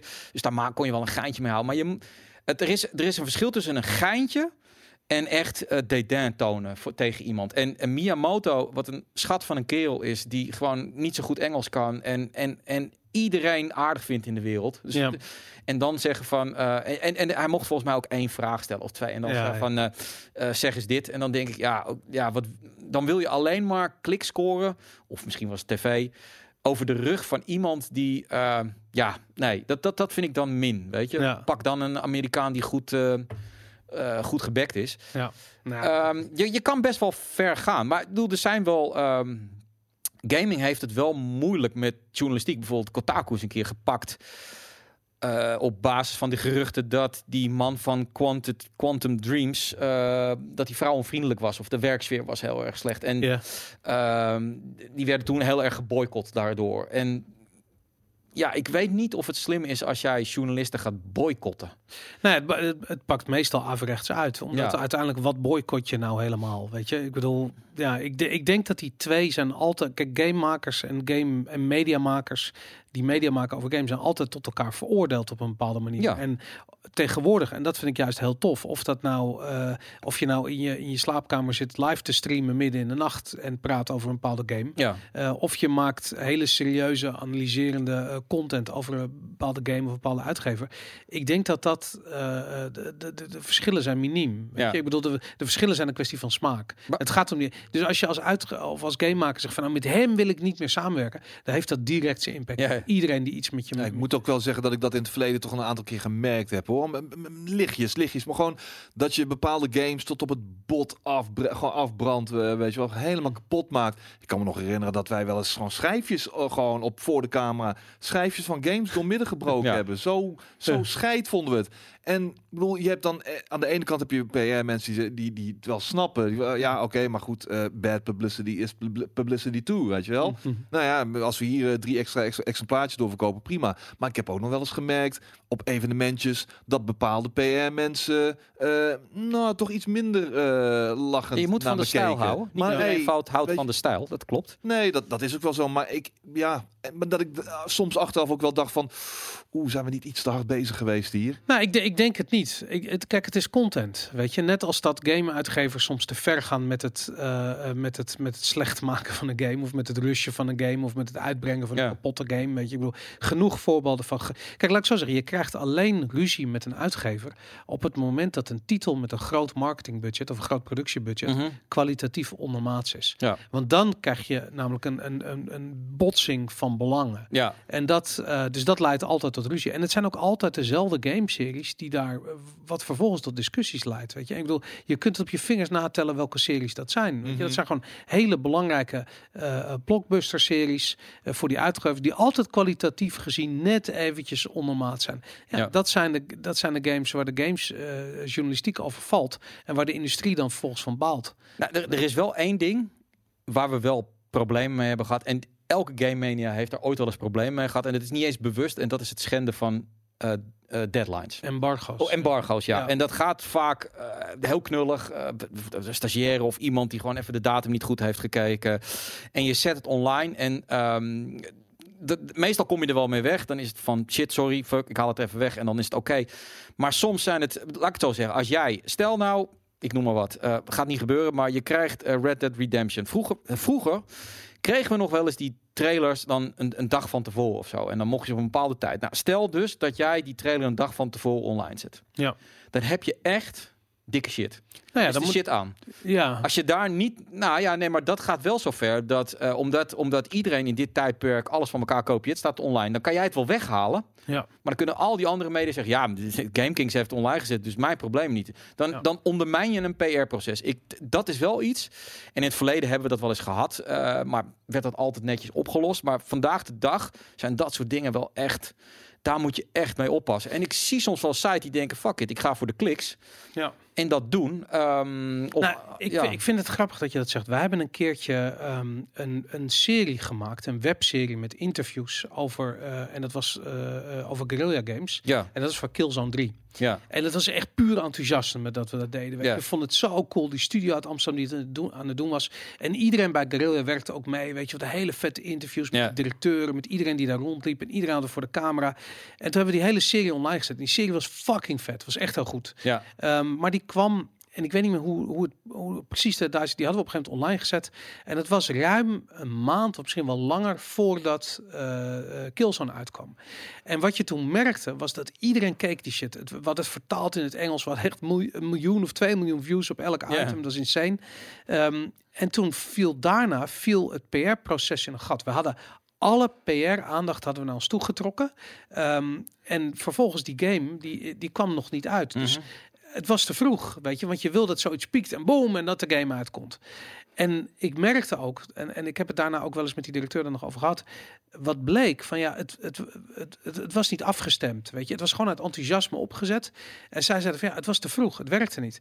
En ik, ik op dat ogenblik zag ik het ook vanuit hun standpunt. En dan had Mhm. ik zoiets van, ja, dat is ook inderdaad zo. Het was te vroeg. Het was gewoon, ja, het was eigenlijk bizar dat we, ehm, eh, het was uit enthousiasme allemaal. Ja. Maar het was een gigantische productie die we gedaan hebben, puur uit enthousiasme. We werden er niet extra voor betaald of wat dan ook. Ehm, ja, en het was een heel PR-ding. Dus hij zei dus iets van, ja, het was te vroeg, eh, het was te vroeg gepiekt. En ik, en ik realiseer me zo ja, dat, dat kan ook. Je kunt daarin ook een fok op maken. Maar dat, dat, dat is nu echt gamesindustrie 2018, 2016, 17. Dat in het geval van Guerrilla of andere Nederlandse developers, maar in ieder geval Guerrilla, we kennen die jongens redelijk goed. Mhm. Eh, ik zie ze wel eens in de trein. Er komt er eentje uit Haarlem. Of je ziet ze een keer op een game-evenement of wat dan ook. Eh, je- dit is, dit is, je, je praat in je vorm met elkaar, want je kent elkaar. Dus het is zo makkelijk om even te zeggen... hey, kom je een keertje langs in de studio. Maar vroeger kon dat nog. En tegenwoordig is het antwoord standaard. Maar net als in de voetbalwereld. Ja, sorry, moet even met je man, met mijn manager praten. Ja, En dan ga je met iemand in. Engeland praten, weet je. Ja. Terwijl het fucking Nederlands bedrijf is. Maar dat ja. is... Het hele traject wordt helemaal kapot geprogrammeerd, bij Exact. wijze van spreken. Van dag tot dag, van uur tot uur. Al die embargo's en NDA's en ja, die mag wel praten, die mag niet praten. eh, die en die zijn pas op die en die dag aanspreekbaar. Dan komt die trailer uit. Het is helemaal, dat hele traject, daar, valt, daar, is, dat, daar, is, daar is geen flexibiliteit meer in te bekennen. Nee. Ja, nee, dat, dat- dat klopt. Ik vind dat heel jammer. En ik, Ja. Maar ik vind het aan de andere kant weer heel tof dat je dat terugziet bij de indies. Dus de indies die zijn eigenlijk zoals de, de, de gamesindustrie eh 15 jaar geleden was. Die zijn openhartig, die praten Ja. over hun, pro- eh, hun games. Sterker nog, ze laten het, het maakproces van hun game vaak zien zelf op Twitch. Of eh, ze hebben een Steam Early Access waarbij Ja. je al een jaar voordat de game uitkomt de game kan spelen. Dat is precies zoals de gamesindustrie vroeger was. Ik bedoel, ik, ik weet niet of je nog. We, we zijn een keertje. Volgens mij waren we er alle drie, maar ik weet het niet zeker. Dat Ja. was een, eh, een E3. ehm, ja, weet ik, 16, 17 jaar geleden. En toen kregen we een prototype van de eerste Xbox in onze handen. En ik heb er nog een foto van ergens. Ja, ja. Sta, in ieder geval staan met Dre ben ik daar. En we hebben een grote zilveren X. En dat was de prototype van de allereerste Xbox. Ja. En ehm, die kerel die dat toen deed, ik ben nog steeds zijn naam, Steve, Steve nog wat, Steven nog wat, was de allereerste ontwikkelaar van, van de eerste Xbox. Ehm, die liet ons hoogstpersoonlijk demonstreren, die ons die Xbox had, een soort tech demo, liet een, liet een game zien. En hij vroeg ook eigenlijk, en dat was het doel van de hele wat vinden jullie ervan? Hij wou feedback hebben. Ja. En Microsoft was zo in het begin. Ik wil, ik kan me herinneren toen Xbox Live eh, voor het eerst eh, werkte en nog niet lang niet uit Ja. was. Toen kwam iemand van Xbox Nederland, die kwam bij ons op kantoor eh, om te kijken hoe het werkte, omdat we snel internet hadden op kantoor. Ja, ja. En ze hadden een of andere firewall waardoor het niet werkte. Dus ze kwamen gewoon bij ons dat checken. En het, ja, weet je, we hebben ook heel lang hebben we toegang gehad tot de developers achterkant van, eh, het- van Xbox Live. Ja. Ja. Zodat we games konden downloaden downloaden om alvast te checken. Die games waren er ver vanaf. Man, de pre-alpha, het was bizar. Ah, Ik bedoel, dat is nu vandaag dag ondenkbaar. Maar toen was dat gewoon normaal. Nee, en heel veel mensen zeggen ja, maar de gamesindustrie wordt groter en dus eh, logisch, dat gebeurt altijd. Dan zeg ik nou nee, want dat is niet, laat ik zo zeggen, ik snap dat het vaak wel gebeurt. In de voetbalwereld vind ik echt dat het bijvoorbeeld heel erg gebeurt. Formule 1 wereld is voor mij ook totaal dood doordat alles is geregisseerd. Je komt er niet bij. Maar de motorsportwereld bijvoorbeeld, ja, ik, ik praat graag in sportanalogieën. Eh, de MotoGP-wereld, die houden ze bijvoorbeeld heel erg open. Eh, die zijn heel toegankelijk. Dus ik zou hopen dat de gamesindustrie wat leert, ook van die indies, van ga het nou niet allemaal afsluiten. Want ten eerste denk ik ook dat die developers zich er niet prettig in voelen, want die worden nu op een podium gezet en dan moeten ze daar een woord doen. Want als je ze één op één speelt, gewoon in, met, een- met een biertje erbij of, of gezellig, vinden ze hartstikke leuk. Ze Ja. Echt heel leuk om met je te praten, ook omdat ze tof vinden om feedback te krijgen. Nou, ik zie daar... eh, Maar dat mag niet meer. Het interessant als je het over sport hebt. Ik heb Ja. dat met UFC. Ik kan me herinneren dat wij eh, best wel op een aantal UFC-trips zijn geweest. Ja. Omdat UFC een soort game samenwerking had. En toen, eh, weet je, wij zijn met American Top Team. z- daar zijn we geweest met, die, met het trainen met Dennis. En Dennis had toen ook geregeld dat we naar een of andere... na afloop van een UFC-match in New Jersey... zijn we met die gasten van American Top Team... die Mhm. toen een aantal fighters aan het trainen waren daar... zijn we nog naar een of andere workshop geweest... Ja. ergens daar in, het, in, in, in, in, de, in, de, in een of andere suburb buiten New York. En eh, weet je, met z'n allen in een klein autootje gepropt. Want het was echt geen, geen gigantische eh, toestand. Het was gewoon eigenlijk heel knullig. Maar juist daarom zo tof. En nu, ik bedoel, met die McGregor shit. Die die, die, die shit door die bu- busraam heen gooit. Dat, die een soort van, van WWE toneelstukjes aan het opvoeren is. Ik, wat, wat vind jij ervan, Skate? Ik bedoel, Ja, je ziet duidelijk twee eras. De, gewoon de, de, de pre-McGregor era en de eh, post-McGregor era. ja. Ik, ik hoorde dat toevallig van de week nog ergens bij een, een andere podcast volgens mij. Eh, maar ja, eh, mondigheid eh, betaalt, weet je wel. De, Mhm. helaas. het is toch Maar ik, ik, ik, voor mij hoeft dat allemaal niet. Maar als ik het dan toch weer even terugbreng naar, naar het hele games gebeuren. Vroeger was het zo, als je op perstrip ging en je had wat PR-mensen erbij, je had wat ontwikkelaars erbij. Eh, overdag dan, tijdens eh, het spelen van de game, kreeg je het verplichte PR-praatje. En dan ging je s'avonds even lekker wat eten en drinken met elkaar. En dan, gingen de, dan werden de tongen losser. En dan we- werd er nog wel eens iets verteld. Van, ah, en, hey, tussen, tussen jou en mij, hè, weet je wel. Maar niet, niet, eh, niet eh, vervolgens in je item gooien of wat dan ook. En dat deed je dan ook, omdat je gewoon respect had voor het feit... dat diegene gewoon lekker openlijk met je aan het ouwe hoeren was. Ja. Gewoon op, op, een, op, een, op een leuk gelijkwaardig level. Maar zelfs dat is er nu gewoon helemaal uitgesloopt. Omdat al die mensen helemaal geprogrammeerd zijn Ja. om robotten te zijn. Zelfs wanneer je gewoon op zo'n trip bent. En je bent gewoon eh, jezelf het leplazeren aan, aan het zuipen bij zo'n spreken. En dan nog komt er gewoon niks meer uit, uit die mensen. weet je Nou, wel. ik vind, ik, vind, ik vind het wel. ja, wel? Ja, Nou, nee. ik heb het in ieder geval niet gemerkt. Maar er zijn, dat vind ik heel interessant. Als je kijkt naar onze generatie, ehm, eh, de meeste mensen die bij gelijktijdig met ons begonnen zijn, als bijvoorbeeld gamejournalist waar je mee op trip ging, die zijn nu, die hebben hoge functies bij grote uitgeverijen. Mhm. En ik spreek die mensen nog steeds, weet je. En dan, dan, dan praten we over de industrie en dan hoor ik dus echt shit die je, ehm, ja, daar hoor ik meer in één zo'n gesprek dan wat je een jaar lang vanuit de PR-hoek hoort, bij wijze van spreken. En weet je, ik kom wel eens met dat soort informatie, eh, eh, weet je, aanzetten over bijvoorbeeld overnamegesprekken tussen Mhm. Xbox en, eh, en Steam en Valve bijvoorbeeld, dat soort shit. Dat zijn echt dingen die spelen. Dat, dat, ik verzin dat niet zelf. Dat zijn dingen die ik hoor van Jawel, jongen. de, maar ik hoor het van mensen die echt verstand hebben van die shit en daar dagelijks mee bezig zijn.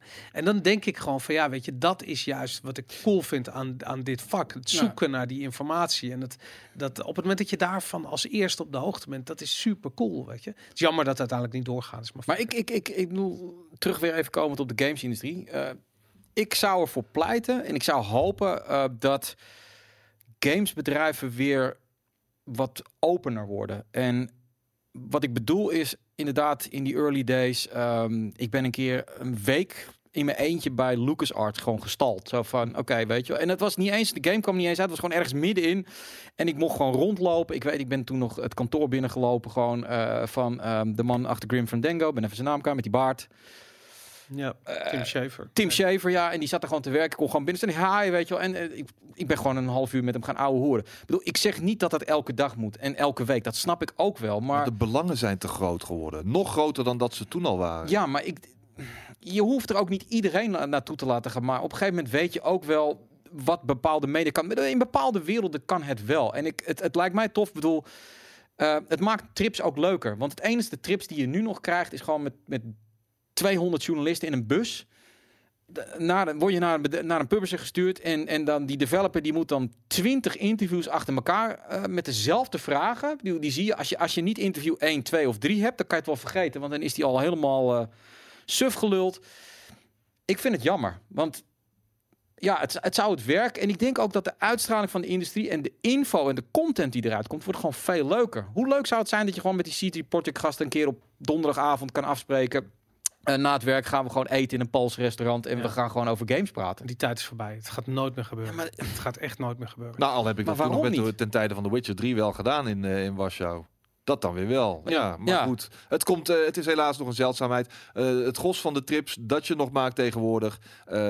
nou, de- de- even kijken hoor. Acht van de tien keer ga je naar Londen. Vertrek je om zes uur 's ochtends. En ben je om tien uur s'avonds weer thuis. Eh, de overige twee is meestal Parijs. Maar, Ja. da- maar je gaat niet naar Londen. Je gaat naar Londen waar je naar een of andere evenementlocatie gaat. Ja. Waar je de game eh, is neergezet. En je, je, je ontmoet het team niet. Je, ontmoet, je bent niet in de studio. Dus één vreselijk. PR-manager die ja vanuit Amerika of, of waar dan ook komt overvliegen Ja. om het praatje te houden.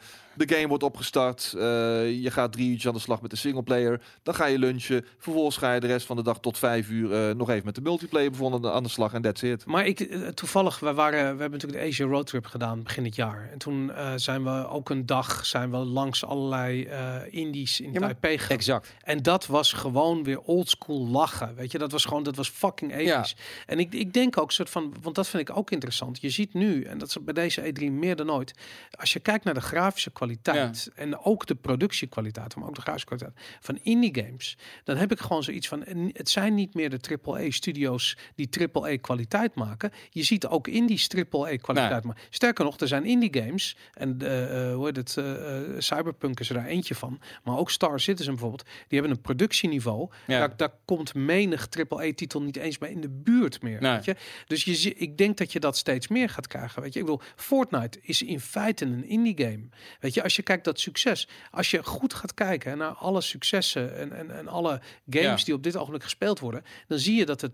Ik denk eerlijk gezegd dat misschien indies wel 50% van de markt hebben, Mhm. als het niet al meer is.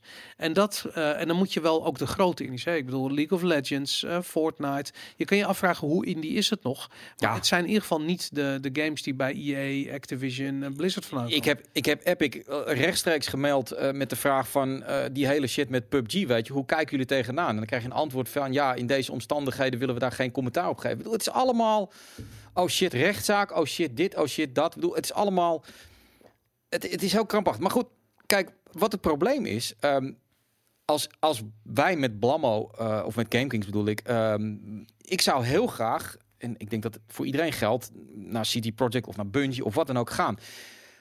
Waar is een publisher bang voor dat wij iets gaan filmen wat we niet mogen filmen? Qua eh, content die nog niet online mag. Eh, dat we gaan vragen en dat iemand zich verlult dat ze al met Halo 12 bezig zijn.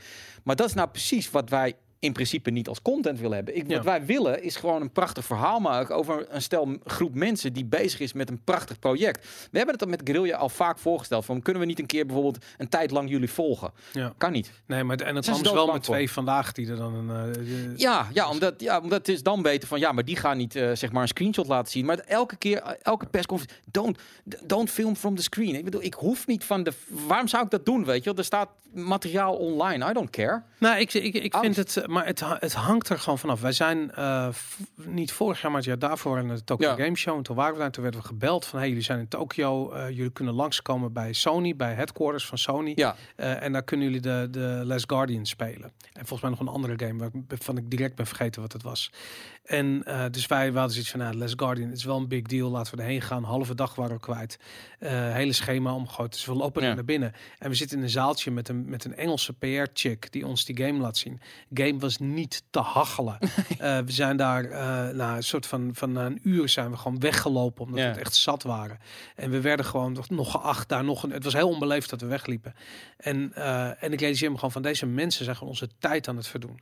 Dit is gewoon niet meer het soort content dat we nodig hebben. We hebben, we- ik wil wat de fuck moet je met vijf minuten, tien minuten een game spelen en dan nog een uur een lulverhaal aanhoren van, van iemand die uit die PR-industrie. Dat, dat gaat gewoon niet meer werken. Dat is gewoon Nee. klaar. En ik, ik wil het het niet meer. Ik ben er klaar mee. En ehm, ja, weet je, dat is gewoon, de- die, die deur is dicht. Weet je, Mhm. we gaan niet meer op persstrips. Het, tenzij, en dat is het ding, als we de vrijheid krijgen om daar de content te maken die we zelf willen Ja. maken, dan, dan praten we ergens over. Want Nee. dat is nog een zeldzaamheid. Nou, dat komt gewoon niet meer voor. Nee. Zo Nee. simpel. Nou ja, laat ik het zo zeggen. Dat is vaak wel eh, de, rol, de, de, de invloed van influencers daarin. Is dat we wel degelijk af en toe gevraagd worden van... eh, willen jullie dit en dit doen? Maar dan, gaat, maar dan willen we jullie ook filmen en gebruiken voor een promotiefilmpje.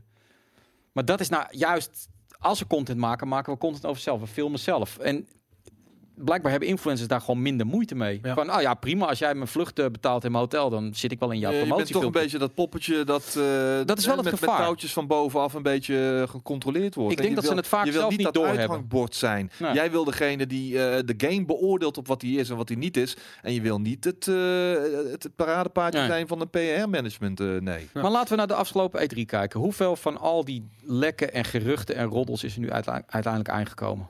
Ja, bitter Bar- weinig. Bar, bar weinig, ja. Ja. Al die leaks en dergelijke. Zo, nou, alles was we al doen er zelf ook aan mee hoor, daar niet van. Ik bedoel, Maar al die leaks, ja. wat als, laten we het even over Sony hebben. Daar was de hele line-up. Ja, dat was eh, allemaal bullshit. Het was gelul. Ja. Uiteindelijk dat hele item wat wij ook gemaakt hebben. hoor. En ik, ik vind het wel leuk, want het doet mee aan de excitement. Ja. Maar daar zaten games bij. Ik bedoel, eh SOCOM niet getoond. Je weet niet wat er uiteindelijk nog uit de persconferentie is gehaald. Hè? Want dat doet Sony ook nog wel eens last minute. Ehm, Daar was dit keer de presentatie niet naar. Omdat de hele vorm van de presentatie, die ademde gewoon een paar titels, uitgebreid, ja. enigszins ingetogen, maar gewoon de kwaliteit eh, gewoon de boventoon laten voeren. Daar hadden, daar hadden niet nog meer titels bij moeten zitten. ja, nou Rage 2 was inderdaad wel... De Walmart is, was, dat lek was wel waar. ja. Maar nee, nou ook niet helemaal, want Borderlands hebben we ook weer niet gezien. Eh, nou ja, maar, ja, maar je, kijk, Borderlands is een game waarvan ik me zou kunnen voorstellen. Ik weet het niet, maar dat Ja. die, kijk, met Borderlands is twee dingen aan de hand. We weten dat hij in ontwikkeling is bij Ja. Gearbox. Dat is gewoon, dat is gewoon aan de Het wordt Gamescom of later, dan wordt hij getoond. Eh, nou ja, de, de eh 2K heeft wel altijd een ding van ja, als er nog een game uit moet komen, gaan we Ja. niet alvast het gras voor de voeten van die game uit. Ja. En bij 2K Games, of eigenlijk bij Take Two, wat het moederbedrijf boven Rockstar is, daar moet gewoon nog Red Dead Redemption uitkomen. Mhm. Dus je hebt kans dat die eerst uitkomt en dat er daarna Tuurlijk. een, een, een PR-traject begint voor, voor, eh, voor Borderlands. Ja, nee, maar ze zijn ook gek als ze daar tegenover gaan staan. Dan word je gewoon helemaal weggekaatst. ja. Splinter Cell 4 was nog zo'n titel die we overal zagen opduiken, weet je wel. Nou, ja, dan zeven, moet toch? de- Splinter Cell 7 is, was het toch? Was het, volgens mij was het vi- zeven? Ja, ik ik dacht- weet, een nieuwe Splinter Cell in ieder geval. En eh, voor iedereen stond het al praktisch vast dat die zou komen. Age of Empires 4, dat, dat was hem. Age of Ja. Empires 4. Nog zo'n titel eh, waarvan eh, PC-gamers ver- eh, praktisch verwachten. Het kon niet anders zo zijn dan dat die ook zou getoond zou worden. Eh, afgaan op al die lijstjes. Ja, en zoveel lijstjes zaten er uiteindelijk gewoon Maar naast. ik denk als het om Splinter Cell gaat, ik denk dat die game weg is gehaald uit de, uit de line-up, last minute. Denk je dat? Ja, en eh, dat, dat denk ik omdat eh, Ubisoft miste een grote game. Dat Mhm. miste gewoon echt iets. Ehm, ik denk dat ze het gevoel hadden dat als ze eh Splinter Cell getoond hadden hier, dat het de verwachtingen niet kon waarmaken. Ja. Dus wat ze op dat ogenblik hadden kunnen laten zien, het, eh, waarschijnlijk een hele sikke pre-rendered eh, video, we- weet ik veel wat, wat weinig over de game. Mhm. Maar dat ze dan zoiets, ja, dan zaten een beetje 13 in een dozijn aanvoelen. Ja. Het is natuurlijk ook al de zevende editie in die Splinter Cell serie. Ehm, ja, ik, ik, ik denk dat, dat, dat Ubisoft gewoon het voelde ook een beetje al last minute die persconferentie nog best wel wat aangepast heeft. En ook een game die miste is, is Watch Dogs 3 en die geruchten zijn toch ook al heel hard Ze zullen er ongetwijfeld mee bezig zijn. En, en ze spreiden ook wel wat meer. Hè. Ik bedoel, Gamescom, eh natuurlijk is E3 nog steeds eh, het PR-moment, het media-moment. Maar Gamescom neemt ook wel in belangrijkheid toe. En ik denk dat we daar ook nog wel één of twee van dit soort dingen gezien. En wie weet bewaren ze hem wel voor daar. Ik, het zou zomaar kunnen. Behalve dat ze daar niet echt een persconferentie hebben. Nee, dat Sony waar, heeft ja.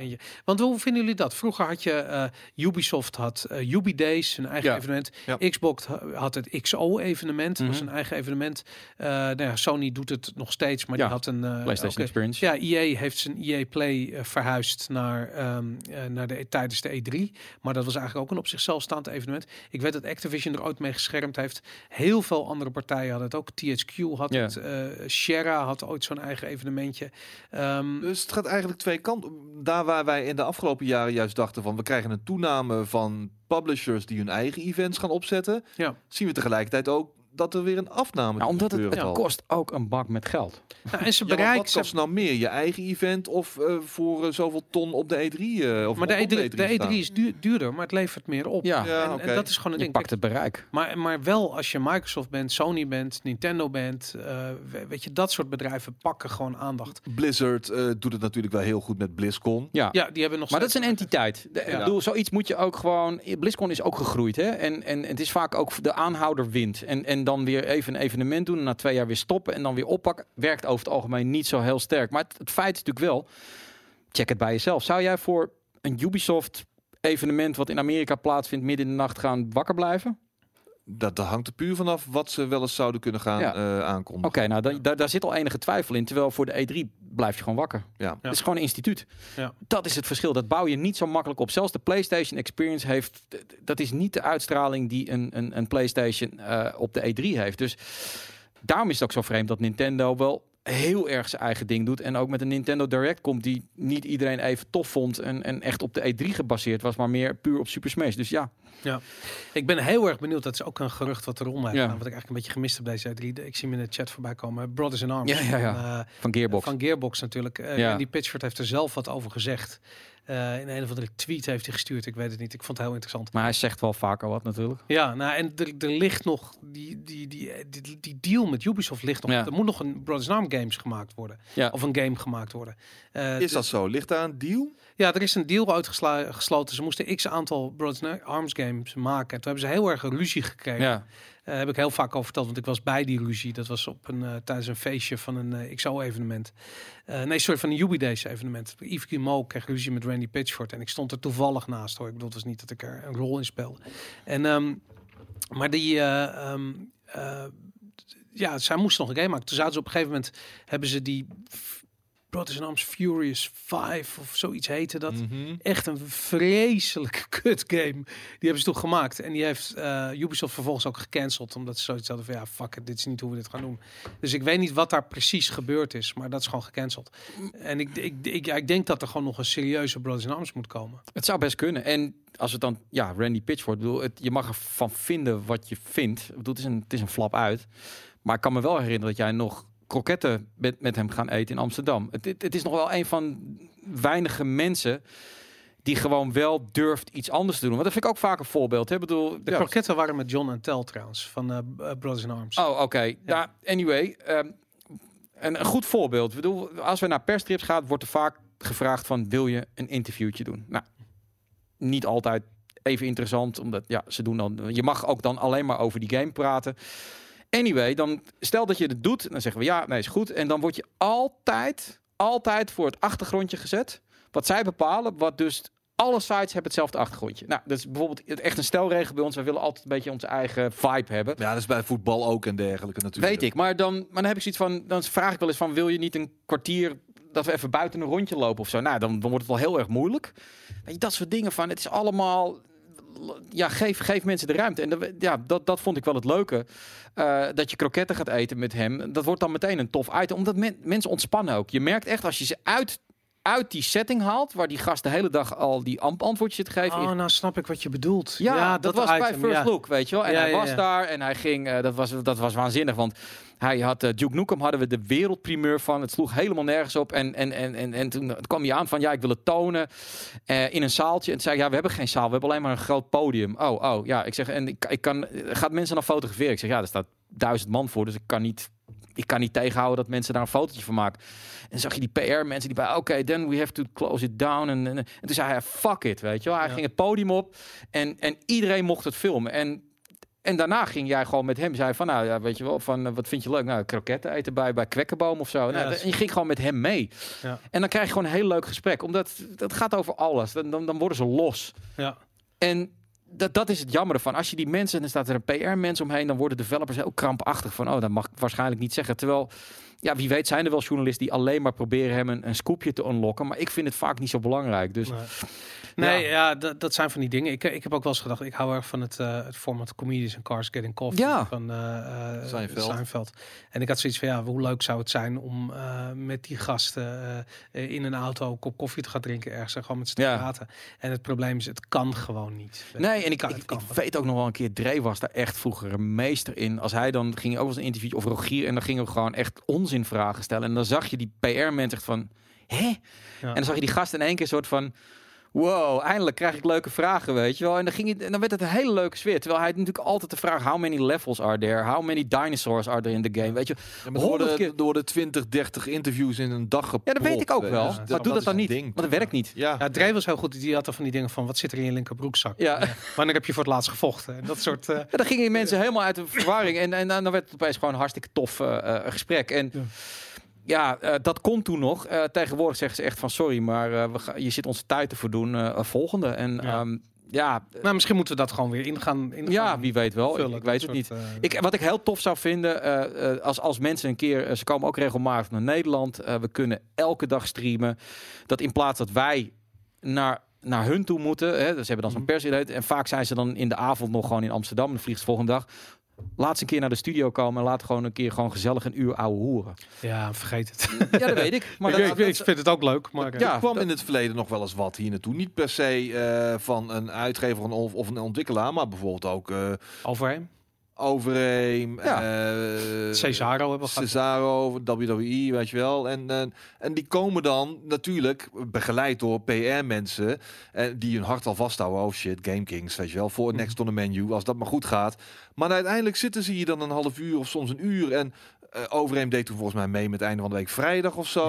of zoiets, weet Ja. je wel. En, Ja. en Cesaro, ik bedoel, die, die, die vond het ook een verademing dat er iemand naast hem zat die daadwerkelijk verstand van wrestling had, weet je Ja, wel. Dus lekker leuk gesprek gehad, lekker een beetje zitten gamen. En dan ook gewoon, dan, dan, dan is zo'n gesprek veel animeer, geanimeerder en losser. En dat komt dan de kwaliteit van een item en een interview ook alleen maar ten goede. Ja, Maar goed, ja, dat is nou eenmaal niet hoe het altijd gaat. ja. Hey, en ehm, als je naar deze afgelopen E3 kijkt, ehm, wat, wa- wat, wat zou je anders hebben gedaan? Wat zou je... Ik bedoel, stel je voor dat je een andere rol zou hebben, weet je. Ik bedoel, we zaten nu allemaal heel erg in een, in, vast in een rol. Mhm. Weet je? Ik bedoel, we, we hebben hier aan tafel hele nacht gezeten. Wij hebben alle, pre- weet je, ik bedoel, gasten zaten in LA, die waren van hot naar her aan het rennen. Ehm, stel dat je vrij zou zijn om daar om, om, om, om een van die rollen zelf in te vullen. Wat, eh, wat, wat, wat zou je anders willen doen?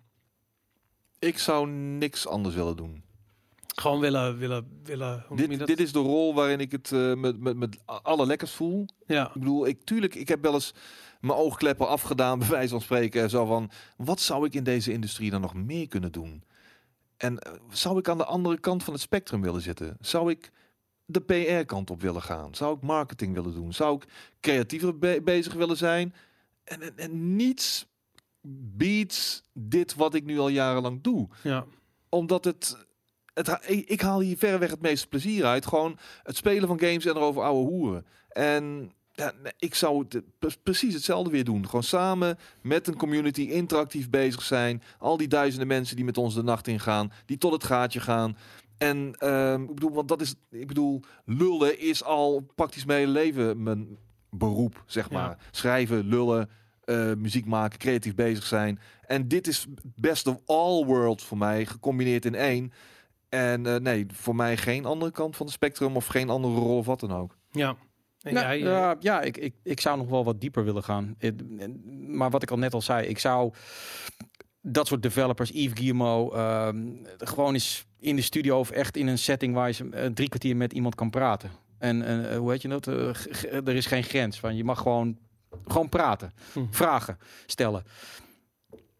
Maar het gaat niet gebeuren. En dat, dat vind ik wel jammer. Ik zou, het zou het heel tof... En we zitten best wel langzamerhand dichtbij dat je hè, eh, een live verbinding met LA... waar je ook heen en weer kan praten met elkaar. Wat ze dat kan al lang, man. Dat kan echt al lang. Wij zouden zo makkelijk met iedereen, waar ook ter wereld, interviews kunnen doen. Ja, nou, en, maar daar wordt niet echt aan meegewerkt. Dat hebben Maar ik denk ook zo van, wat zou je, waar zou Kijk, dit zijn, als je het over Yves Guillemot hebt, dit is een beursgenoteerd bedrijf. Ja, dat weet ik. Hij gaat niets zeggen wat, wat ook maar enigszins interessant voor ons is, omdat het, eh, het, het kan zijn koers beïnvloeden. eh, Ja. dat, dat is gewoon het vervelende. Op het Ja. moment dat je, dat je zo'n soort bedrijf bent, dan, ja, dan die verantwoordelijkheden die erbij horen, ja, je kunt niks meer zeggen. In, in hoeverre is de, de, de power van de aan, en, en, impact van aandeelhouders eh, echt gewoon heel belangrijk. Natuurlijk, dat is heel belangrijk. Ik bedoel, als, als sterker nog, ik denk als directeur van zo'n toko heb je twee functies. Aan de ene kant zorgen dat het bedrijf draait.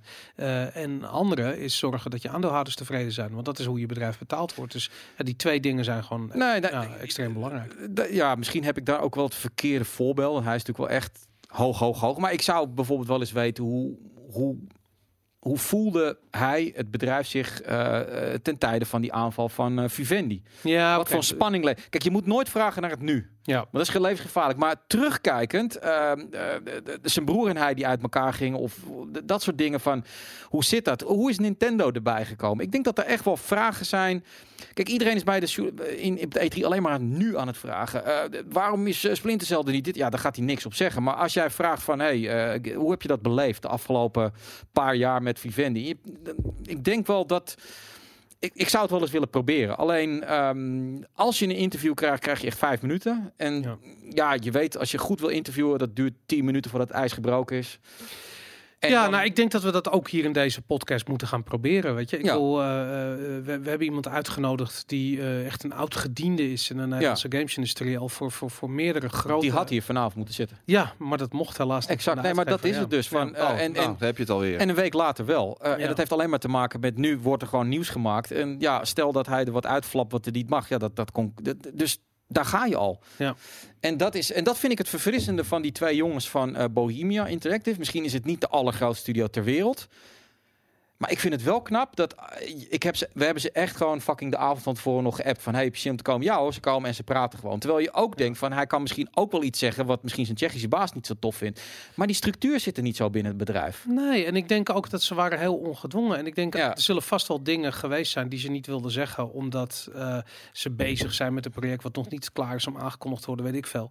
En ja, daar hebben ze dan ook niks over gezegd. Dus op het moment dat je er naar vraagt, dan, Nee. dan, dan ja, dat- je weet niet waar je, je, bedoel, je weet niet wat je niet weet, ook als interviewer. Ja. Maar de- ik heb tijdens dat, eh, eh, wat je vaak hebt, is dat de mensen die je interviewt, die bepaalde dingen niet mogen zeggen, daarop gaan focussen. Ja. Dus die worden dan zenuwachtig, want er zit ook iemand van PR bij. Dat hadden deze jongens absoluut Nee, niet. nee, Die omdat- waren juist heel open en vonden Ja. het superleuk om, eh, om hier te praten Het, over. het zou wat zijn als het op een gegeven moment net als bij eh, de Formule 1 gaat. Ik Als je naderhand Max Verstappen ziet eh, voor de camera bij eh Ziggo Sport.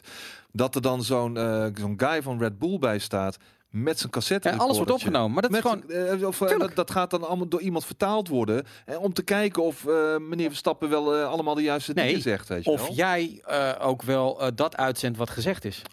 Ook nog. Ja, het is allemaal Oh. juridisch. Stel nou dat jij zegt, maar Verstappen heeft gezegd dat, eh, Renault, dat, dat Honda een klote eh, bedrijf is, weet je. Dan Mm. kunnen zij weer in problemen komen. Of Renault bedoel ik. Eh, en dan kunnen ze terugspoelen. Of is die, heeft hij dat gezegd in het interview? Dat heeft hij niet gezegd. Jij, Mm. bent, eh, jij, jij krijgt gewoon een rechtszaak aan je broek. Daarom nemen ze dat ook gewoon op.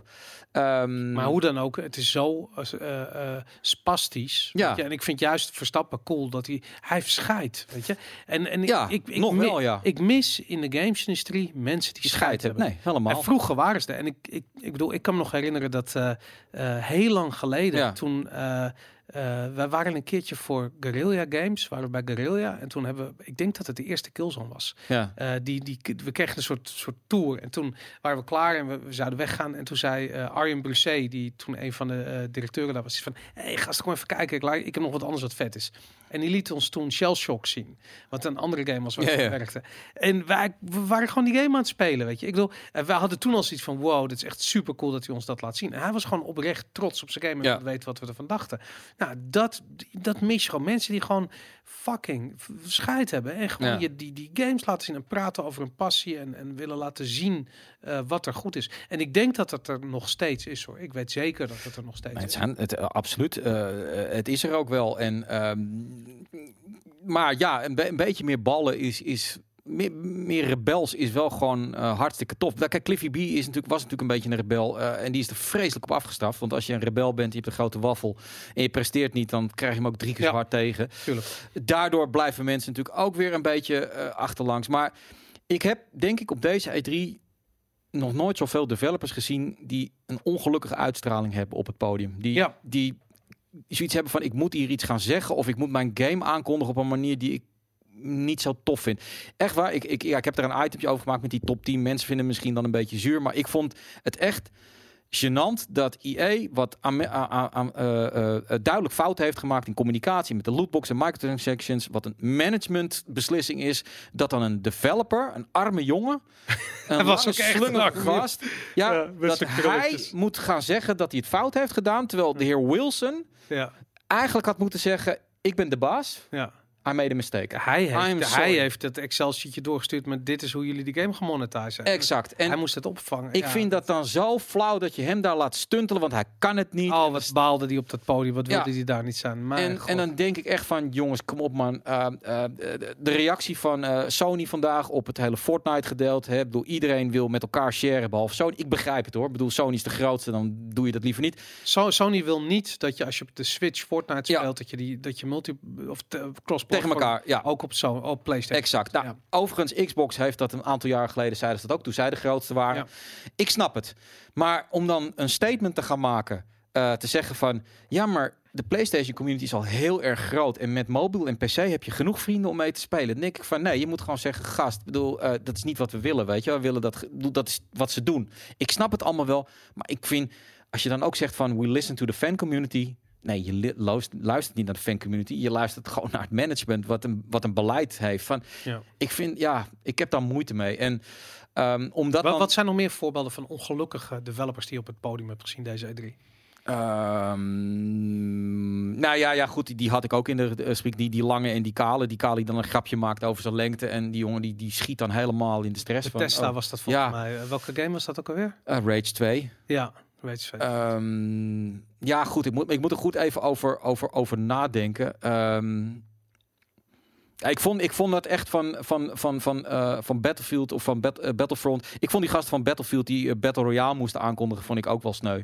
ja. Zag je dat ze ook niet leuk vonden? Dat Nee. ging ook allemaal maar een beetje tussen neus en lippen door, kreeg ik het gevoel. Van ja, dit- dit is ons ook door de strot geduwd, door, door de mensen van hoger, hogerop. ja, Ja, ja, we moeten het doen. Eh, ik bedoel, DICE wil niets liever dan gewoon lekker eh, sterke singleplayer en een goede multiplayer Ja. maken. En dan moeten ze ook nog eens die eh, Royale erbij doen met een soort van geveinsde blijdschap van, oh, het komt eraan, oh, Royale. Ja, Maar ik vind die? Patrick Soderlund, die directeur van DICE, dat vind ik, oh, die, die gast vind ik ook sneu. ja. Dat, want ik heb hem ontmoet in... eh, Hij was ooit echt, eh, ja. Ja, hij was ooit de man, maar Ja. eh, ik, ik heb hem een keer ontmoet tijdens een perstrip naar, naar DICE toe. En eh, ik vond die gasten, niet, hij niet alleen hoor, maar bijna al die gasten waren fucking arrogant geworden. Ja. Omdat ze zoveel successen geboekt hadden. En eh, Battlefield, dat was ten tijde van, of net voor Battlefield 1. En iedereen ging helemaal uit zijn dak omdat Battlefield Ja. 1 zo vet was.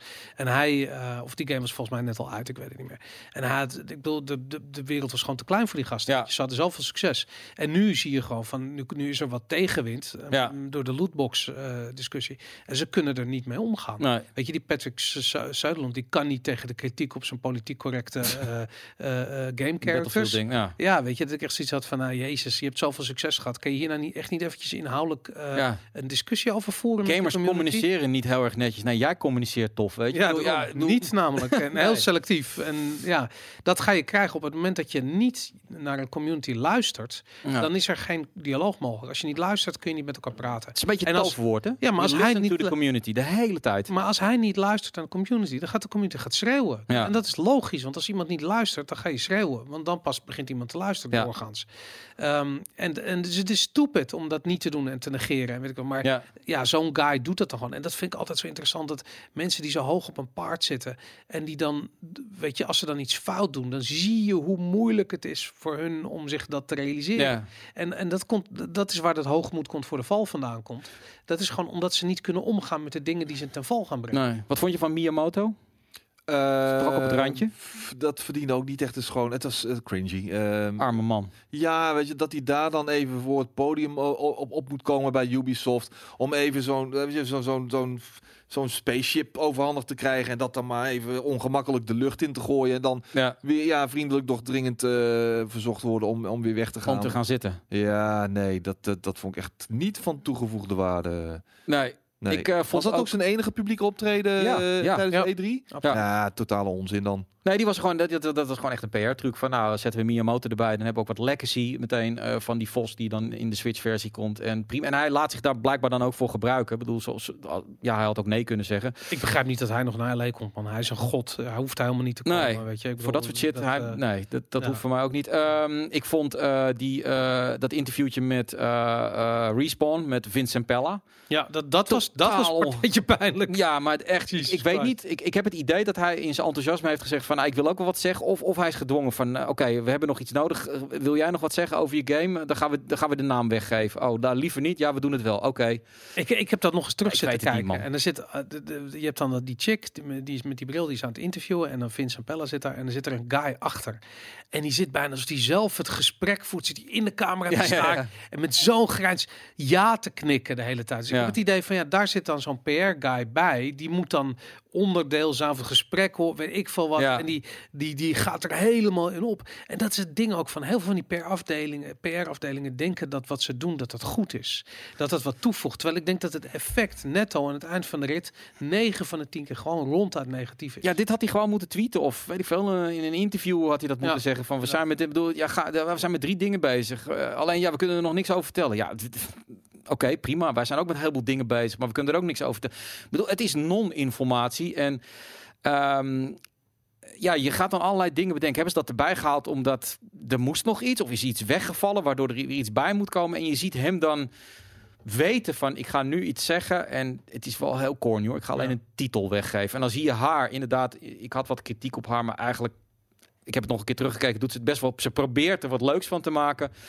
Slaat dan ook helemaal dood. Ja, je kreeg gewoon helemaal niks uit die guy. En als hij niks te melden heeft, dan kun je nog zo'n goede presentator of presentatief zijn. Maar als het niet werkt, dan werkt het niet. Als degene tegenover jou eh, helemaal niet bereid is om ook maar iets te zeggen. Ze probeerde zo van: oké, is er nog iets wat je zou kunnen zeggen? En dan zie je hem denken dat afgesproken was dat dat niet mocht. Wat zou ik nu dan nog wel kunnen vertellen, waardoor ik niet de klap op voor mijn kop krijg? En dan krijg je dit soort gespannen Ja. gedoe. En ja, daarom is het. eh, da- daarom vond ik Microsoft dan nog wel het lekkerst. Omdat je het beste wat je kan doen is gewoon opgenomen game, opgenomen game, opgenomen game, opgenomen game, world premiere, weet je wel, dat soort dingen. Dan ben je ook klaar met. Ja, pijnlijke geen, informatie. Geen awkward shit tussen. Nee. ja.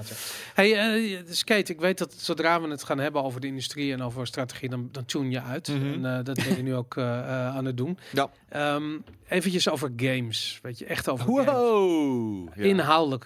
Ik, heb jij een top, top 5 of een top 3? Van, Ja, wat, wat is jouw top 3 Ik van deze? deze E3 wel een top 6, geloof ik wel, ja. Wat, wat, zijn de, de- de- ja, wat, wat zijn de games die jij, waarvan je nu zoiets hebt ja, daar ben ik de rest van het jaar zoet mee. Ik denk dat iedereen die wel voor mij kan uitschrijven. Ik bedoel, jullie kennen een beetje mijn eh, gamesmaak inmiddels. Ik heb een hang naar uitdagende eh, Aziatische games, action, RPG's als het even kan. Dus sowieso komen bij mij eh Nioh 2, Hm. eh, Sekiro, Shadows Die Twice. En in iets mindere mate, maar zeker ook eh, wel een, een game die ik wil spelen. Die een beetje in die lijn ligt. eh Ghost of, Ghost Tsushima. Maar wa- waarom in iets mindere mate die? Omdat eh, de combat mechanics eh, me iets minder aanspreken. Ah shit, ik had juist precies het tegenovergestelde. Maar ik vind kan. die studio ook heel tof. Dus eh Insomniac, toch? Is dat Ja, daar heb ik dan wat minder mee. Infamous vond ik maar een matige. Was dat. Insomniac? Nee, nee, nee, nee. Het is, Niet eh, het is eh, Su- Sucker Punch. Oh, Sucker Punch. Ah, sorry, ja. Sucker Punch. Nee, ja. ik heb er heel veel met die studio, man. En ik vond, ik vond eh, eh, hoe heet het, juist heel vet, weet je. Mhm. Eh, eh, sorry, je zei het net, hoe heet, hoe heet die game? ehm, eh, Infamous? Infamous natuurlijk. Ja, Dat, de- de- geniaal. Maar, maar en waarom heb je het gevoel dat die, die, die, die, die, die, die, die fight mechanics dan niet, niet goed zijn? Nou, ja, ik zeg niet dat ze niet goed zijn, maar het is allemaal net iets. Het, het kent net iets minder diepgang. En, en ik heb het idee dat het allemaal iets meer vanzelf gaat of zo. Eh, met slow-mo's. En dan kun je weer. eh, je- terwijl je in de sle- ene slow-mo actie zit, Ja. kun je ergens anders naar kijken. En vervolgens daar al een volgende move eh, op anticiperen. maar het zeg is ook maar. een andere insteek qua game. Het is zeker, het is nou, nou, hij kent wel wat raakpunten met het grappelen, de lucht in kunnen gaan, van, Maar- van bovenaf en dergelijke. Ik denk wel dat, dat wat Sony veel doet first party is toch proberen een game te maken die uitdagend is, maar niet te moeilijk. Kijk, From Software is gewoon bikkelen. Weet je, die ga je nooit. Ja. eh, Nee, ik hou van bikkelen. Nee, nou, dat snap ik. En dat, ze- maar Steven had daar toch wel. eh, hij zei van. eh, hij, hij, ver- hij vermoedt op wat hij zag dat het, dat het dat best wel dieper ging dan je zou denk op het eerste. Maar eh, dat is ook ja. waarom die in mijn lijstje zit. Ja. Weet je wel? Omdat, ik bedoel, deze game zou mij wel eens heel positief kunnen verrassen. Nou, naast die drie standaard, weet je, die zekerheidjes. Natuurlijk Cyberpunk 2077. Tuurlijk, Ja. tuurlijk. Weet je. En dan heb je mensen die kritiek hebben. Ja, het is first person. Ja, so what? Weet je wel? Ja, het wordt echt wel dik. Maar zijn er, en wa- wat zijn de pareltjes? Ik bedoel, dat zijn alle grote titels, weet je. De grote Nou, ik vind Ori and the Will of the Wisps Ja. is voor mij een absolute parel. Dat is een van die, van die kleine, die, die, die, die truffeltjes in de grond. Ja. Die, dat je moeilijk, eh, die, die niet heel erg makkelijk aan het oppervlak ligt. Die, waar je even voor moet scheppen. Ja. Maar als je hem eenmaal hebt gevonden, mm, weet je wel, heerlijk. En ehm Ashen, nog zo'n game. Lijkt me een super uitdagende game. Hebben we Van- nauwelijks gezien in de nou ja. ID at Xbox, eh, daar viel die onder. En ja, heeft dit keer bij de Xbox-presentatie eigenlijk nauwelijks shine gehad. Maar hebben ze dat alle... mm, Ja, oké. Nou, EA heeft er misschien nog het meest aan gedaan. Hè? Een paar jaar geleden hadden we echt indies waren echt wel het middelblok. Ja. En Ja, het was nu Doen ze echt niet zoveel verwaarlozen. Daar hadden we een tijdje geleden al bij GameKings een item Bizar. over.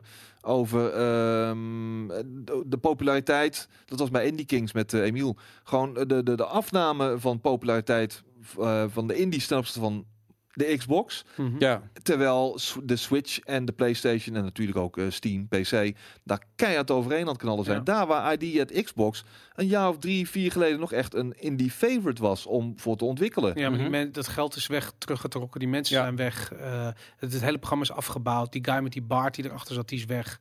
Die Italiaan, ik ben even zijn naam kwijt. We hebben hem nog wel eens geïnterviewd. En dat, eh, dat is gewoon echt heel... heel ja, de hele consolewereld is een beetje gesloten voor de, voor de indies. Want Sony doet er ook niet al te klopt. veel meer. Nintendo is natuurlijk ook nog steeds een moeilijk bedrijf. Dus het is nu PC of eh, mobile. En dat zijn allebei eh, hele moeilijke platformen. Ja, nou absoluut. Hey, jij, wat is jouw eh, ehm, wat is jouw top drie? Wat zijn de games die jij meeneemt? En wat is het pareltje wat we gemist hebben? Ehm paaltje, wat we, ja, we hebben niet zoveel gemist, denk ik. Oh ja, Eh, The Last of Us 2 was natuurlijk nummertje 6. Die mag ik niet vergeten. Ja. Ja, maar ik vind het wel opvallend dat, dat alles wat je noemt eigenlijk gewoon direct uit de grote, eh, eigenlijk noem- alles wat je opnoemt komt uit de Sony persconferentie op Cyberpunk na. Maar goed, Ja. dat was dan. Maar dat is ook, van, dat is ook het moeilijke van zo'n PC-persconferentie. Is eigenlijk de enige die heel veel eh, andere dingen laat zien. Laat ik Ja. zo noemen. Maar daar zaten voor mij twee pareltjes. Ja, ja, nee, absoluut. Ik vond, eh, en die heb ik vandaag dan wat, omdat Kevin hem ook naar, naar voren liep, eh, eh, de, eh, iets met Pedro, wat was het weer? Live of Pedro? My My, friend my friend Pedro. Pedro. Ja, dat, toen ik dat eigenlijk opeens zag wat het daadwerkelijk was en wat je ermee zou kunnen doen. De, de grote vraag is natuurlijk, hoe ga je dat besturen? Hè? Maar is dat Het is een nog wat- Switch game, hè? Dus je, je- je- Ja, het is waarschijnlijk Switch, gewoon, ja. eh, hoe noem je dat? Eh, eh, je, je, je schiet de kant op waar je, Ja. waar je richt. Dat vond ik heel tof. Ja. Ehm, ik, de game bij, ehm, hij was bij EA, Sea of Solitude volgens mij, vond ik echt wel heel erg tof. Die, maar- de, game uit Berlijn, ja. Ja, Ehm, maar eh, ja, de E3, ik vind het toch niet, het is niet het platform eh, waar indies echt kunnen shinen. Omdat eh, je ziet gewoon veel meer, veel meer gameplay en grote bombari eh, trailers van natuurlijk de first per, de, de, de, de, de blockbusters. En dat is denk ik wel het probleem. En, en we hebben het er ook heel vaak met die developers over gehad. Hun probleem is niet zozeer een game maken. Hun probleem is het met name om een trailer ervan te maken. Ja.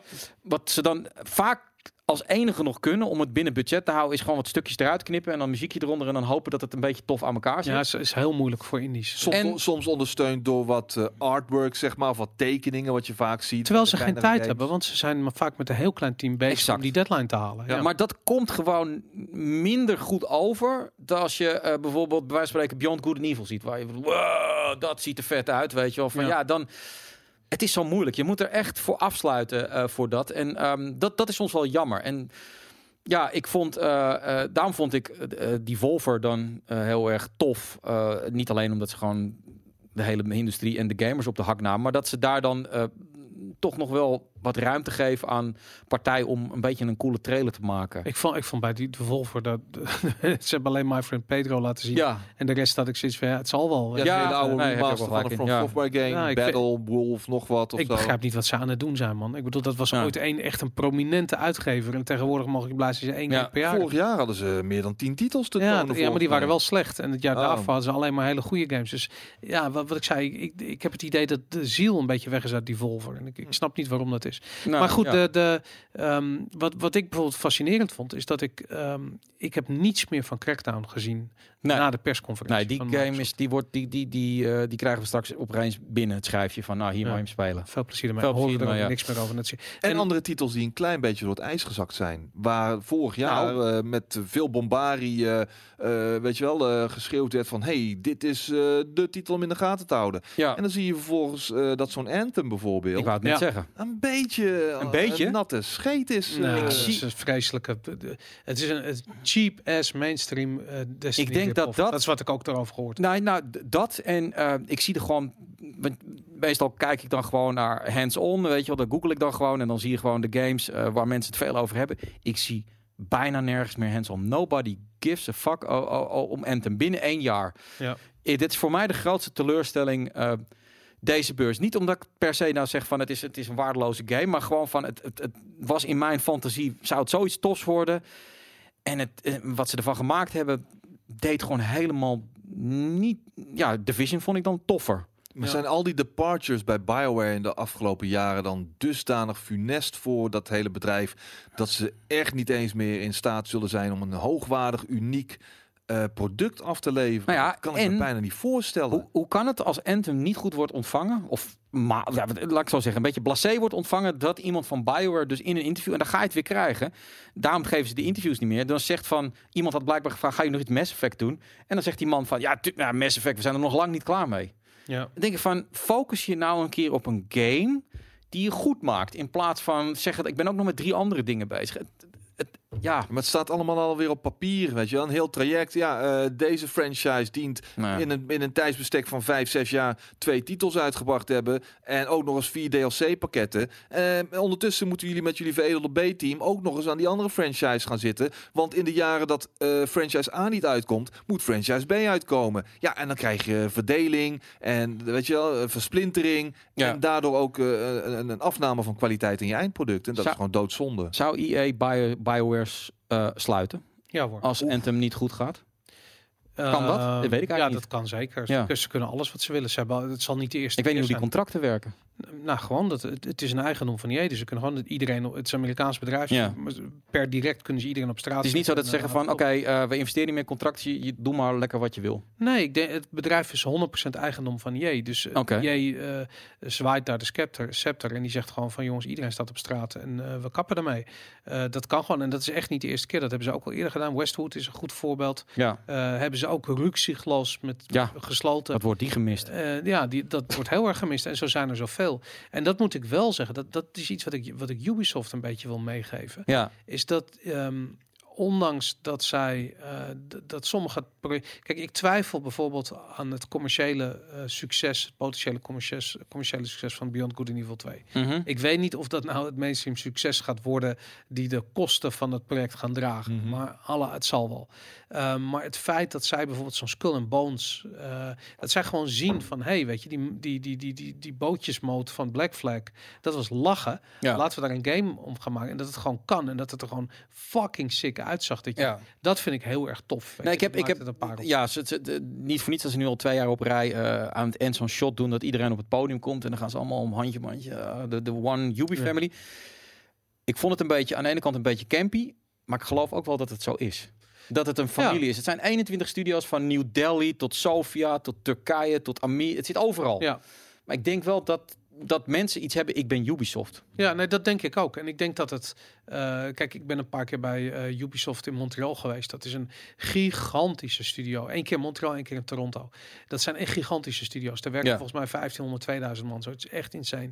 Maar eh, zoals dat, dat Black Flag, wou ik noemen, dat eh, Skull and Bones, dat komt bij een studio in Singapore vandaan. Mhm. Nou, vraag me niet waarom Ubisoft in godsnaam een studio in Singapore heeft, maar ze hebben het. ja. Ik ben ook een keer bij een studio van Ubisoft in Shanghai geweest, bijvoorbeeld. En ja, ik, weet niet waarom ze dat precies doen en waarom ze dat doen. Maar zij hebben gewoon overal over de hele wereld die studio's. En ik denk gewoon omdat overal over de hele wereld talent zit. exact. En dan, eh, ja, dan, dan kunnen ze daar wat mee. En dat, eh, ja, dat doen ze goed. En ik, ik, ik denk ook dat ze niet zomaar studio's zullen sluiten. Ik, bij Nee. mij weet, ik kan me ook niet zo herinneren dat Ubisoft Studios gesloten heeft. Dat, dat weet ik gewoon even niet. Nee, van. nee, Ik weet kijk, van ja. bijna alle andere publishers wel dat ze ooit studio's gesloten hebben. Ja, Als het slecht gaat, dan moet je sluiten. Ook en, eh, ja. 2K kan ik me nog eh, die Team Bondi bijvoorbeeld herinneren dat Ja. Erwin Waar toen heeft gemaakt. Prima game. En daar zou ik graag nog vandaag de dag een, eh, een vervolg op willen zien. Zeker Ja. met alle huidige technieken en zo. Maar toen ook gesloten. Ja, Wat is het, Australisch of zo? Ja, Australisch eh, in Melbourne Ja. zaten ze. maar dat, dat, maar dat is een fascinerend iets waar ik wel ooit eens meer over zou willen weten. De, de relatie tussen eh 2K en Rockstar. Als 2K, 2K eh, is, is zijn ze eigenaar van Rockstar? Jawel. Ja. Ja. Het Take, eh, sorry, ja, 2K is eigenaar van Ja, Rockstar. En toch is dat Sorry, Take Two is Ja. eigenaar, dat zei ik toch? niet? Ja, dat zei Two. je. Ja, oké. En, en dan heb je een bedrijf in handen wat fucking 90 miljoen exemplaren verkoopt van een spelletje. Ik weet dat je dat soort mensen moet loslaten, maar ze willen ook niet meer doen dan ze doen op dit moment, weet je wel? En, en Nee, terwijl- ze, ze, wel, ze, ze doen twee games al. En ze Ja. gaan heus nog, als ze het zouden kunnen, zouden ze een derde doen. Maar ik denk dat al die duizend man maar gewoon dat bedoel ik, bezig van- zijn. Zou je zou zo'n, eh, want 2K eh, of, of Take-Two, het, het heeft het niet altijd even makkelijk. Met name omdat 2K natuurlijk gewoon een wat mindere tijd heeft qua, qua titels. Dat, dat zo'n baas dan niet denkt, oké, maar Rockstar, doe nou nog, nog, nog een game erbij, weet je. Ja, maar- Alles wat jullie doen is goud. Maar ik denk eerlijk gezegd dat die, eh, die twee Houser Brothers, die Ja. daar eh, de baas zijn bij Rockstar, dat die gewoon eh, de hoorn erop pleuren als, je Ja. dat, als ze dat Maar dat ik, wordt. Die ja, dat hebben vind ik een gewoon heel status interessant. aparte. Die hebben gewoon een status Ja. aparte opgebouwd in de afgelopen 20 jaar. Maar dat zou je toch ook van BioWare denken, wat gewoon een fantastisch bedrijf is. Ja, maar, Maar dat BioWare was- heeft is geen dat dan ballen Brothers. hebben? Ja, maar dat zijn de House of Brothers. Het zijn er En, Ja. en weet je wat het ook is? Al die games van Rockstar, keer op keer op keer. Het zijn niet een beetje successen. Nee. Ik bedoel, ze definiëren het, de term succes. Ik Ja. bedoel, het is zo. Wat GTA 5 heeft gedaan, dat is werkelijk ongekend. Weet Ja. je? Bijna 100 miljoen verkochte exemplaren. Dat was volgens mij hebben- heeft, ik, ik weet het niet zeker, maar volgens mij heeft de hele Mario franchise net 100 miljoen verkocht Mhm. bij elkaar. Ja. Alles, alle Mario games ooit. En zij doen dat met één titel. Dat is En zij overschrijden grenzen. Zij, zij zijn niet meer gewoon enkel en alleen die populaire game. Zij definiëren niet alleen het, het, het hele gaminglandschap, maar ook gewoon popculture. Ja. Alle invloeden van, van, van, van pop, eh, muziek, alles komt daarin samen. En, en, en dat, ja, ik bedoel, dat overstijgt gewoon alles. Ja, en de, de kwaliteit van daar. Nou goed, alles aan die game is goed. We hoeven het niet Mhm. te analyseren, maar alles daaraan is goed. En eh, het, zij hoeven niet op een E3 te staan, niks niet. Ze zijn groter dan wat dan ook. Ja. En eh, het, het probleem wat 2K heeft, en ik, ik, ik heb geen idee hoe dat intern is, maar ik kan me voorstellen dat het ontzettend frustrerend voor 2K is, Mhm.